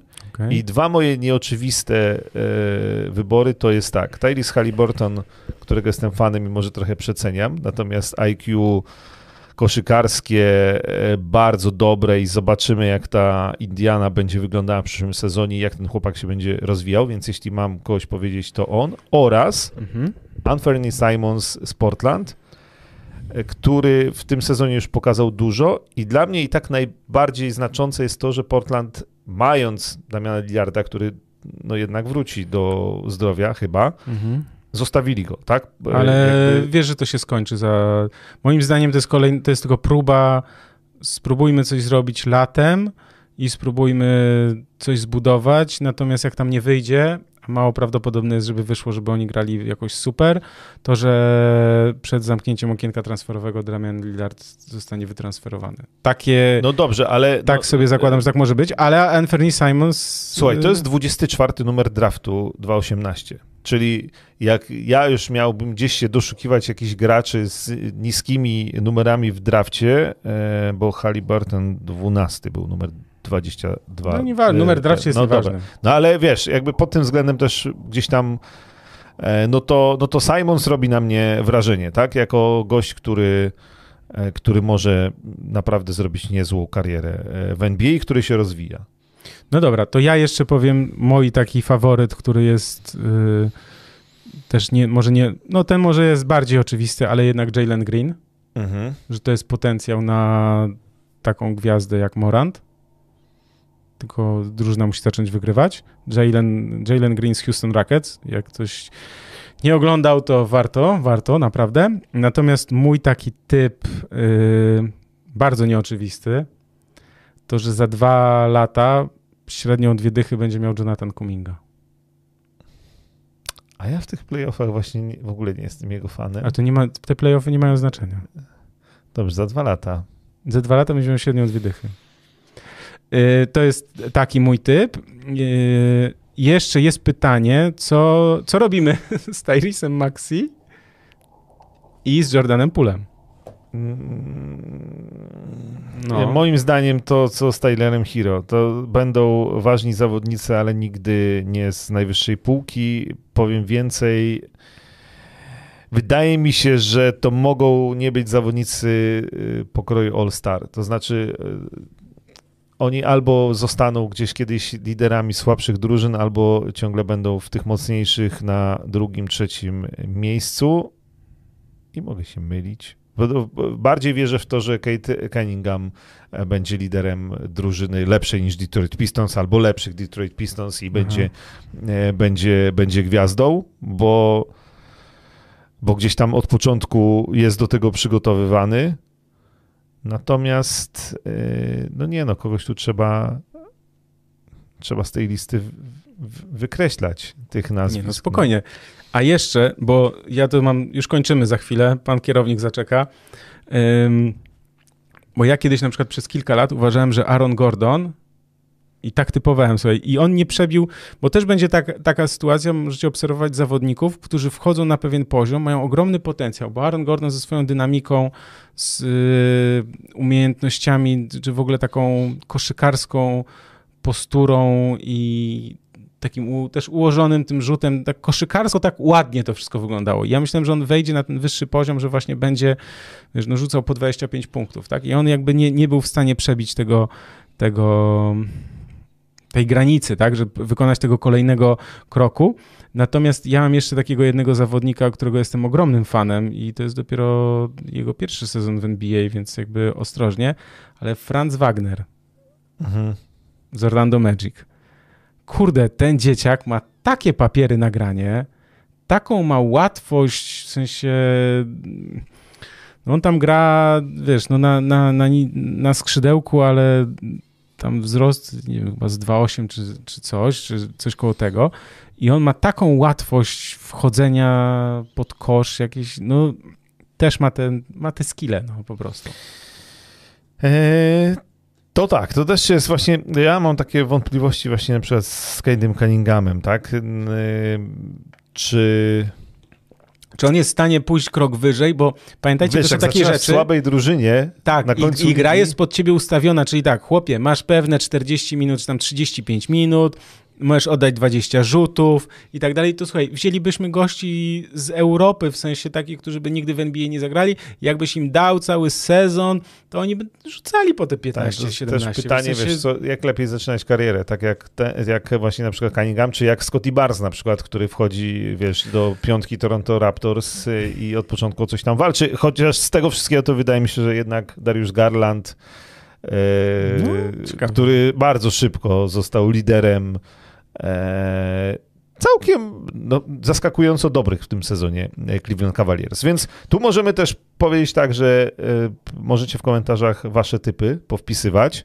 Tak. E, pamiętamy też o tym, że, bo starych dziodów żeśmy wyliczyli, natomiast Janis ma 28 lat, Jokic 27, Embiid 28, oni jeszcze parę lat pograją.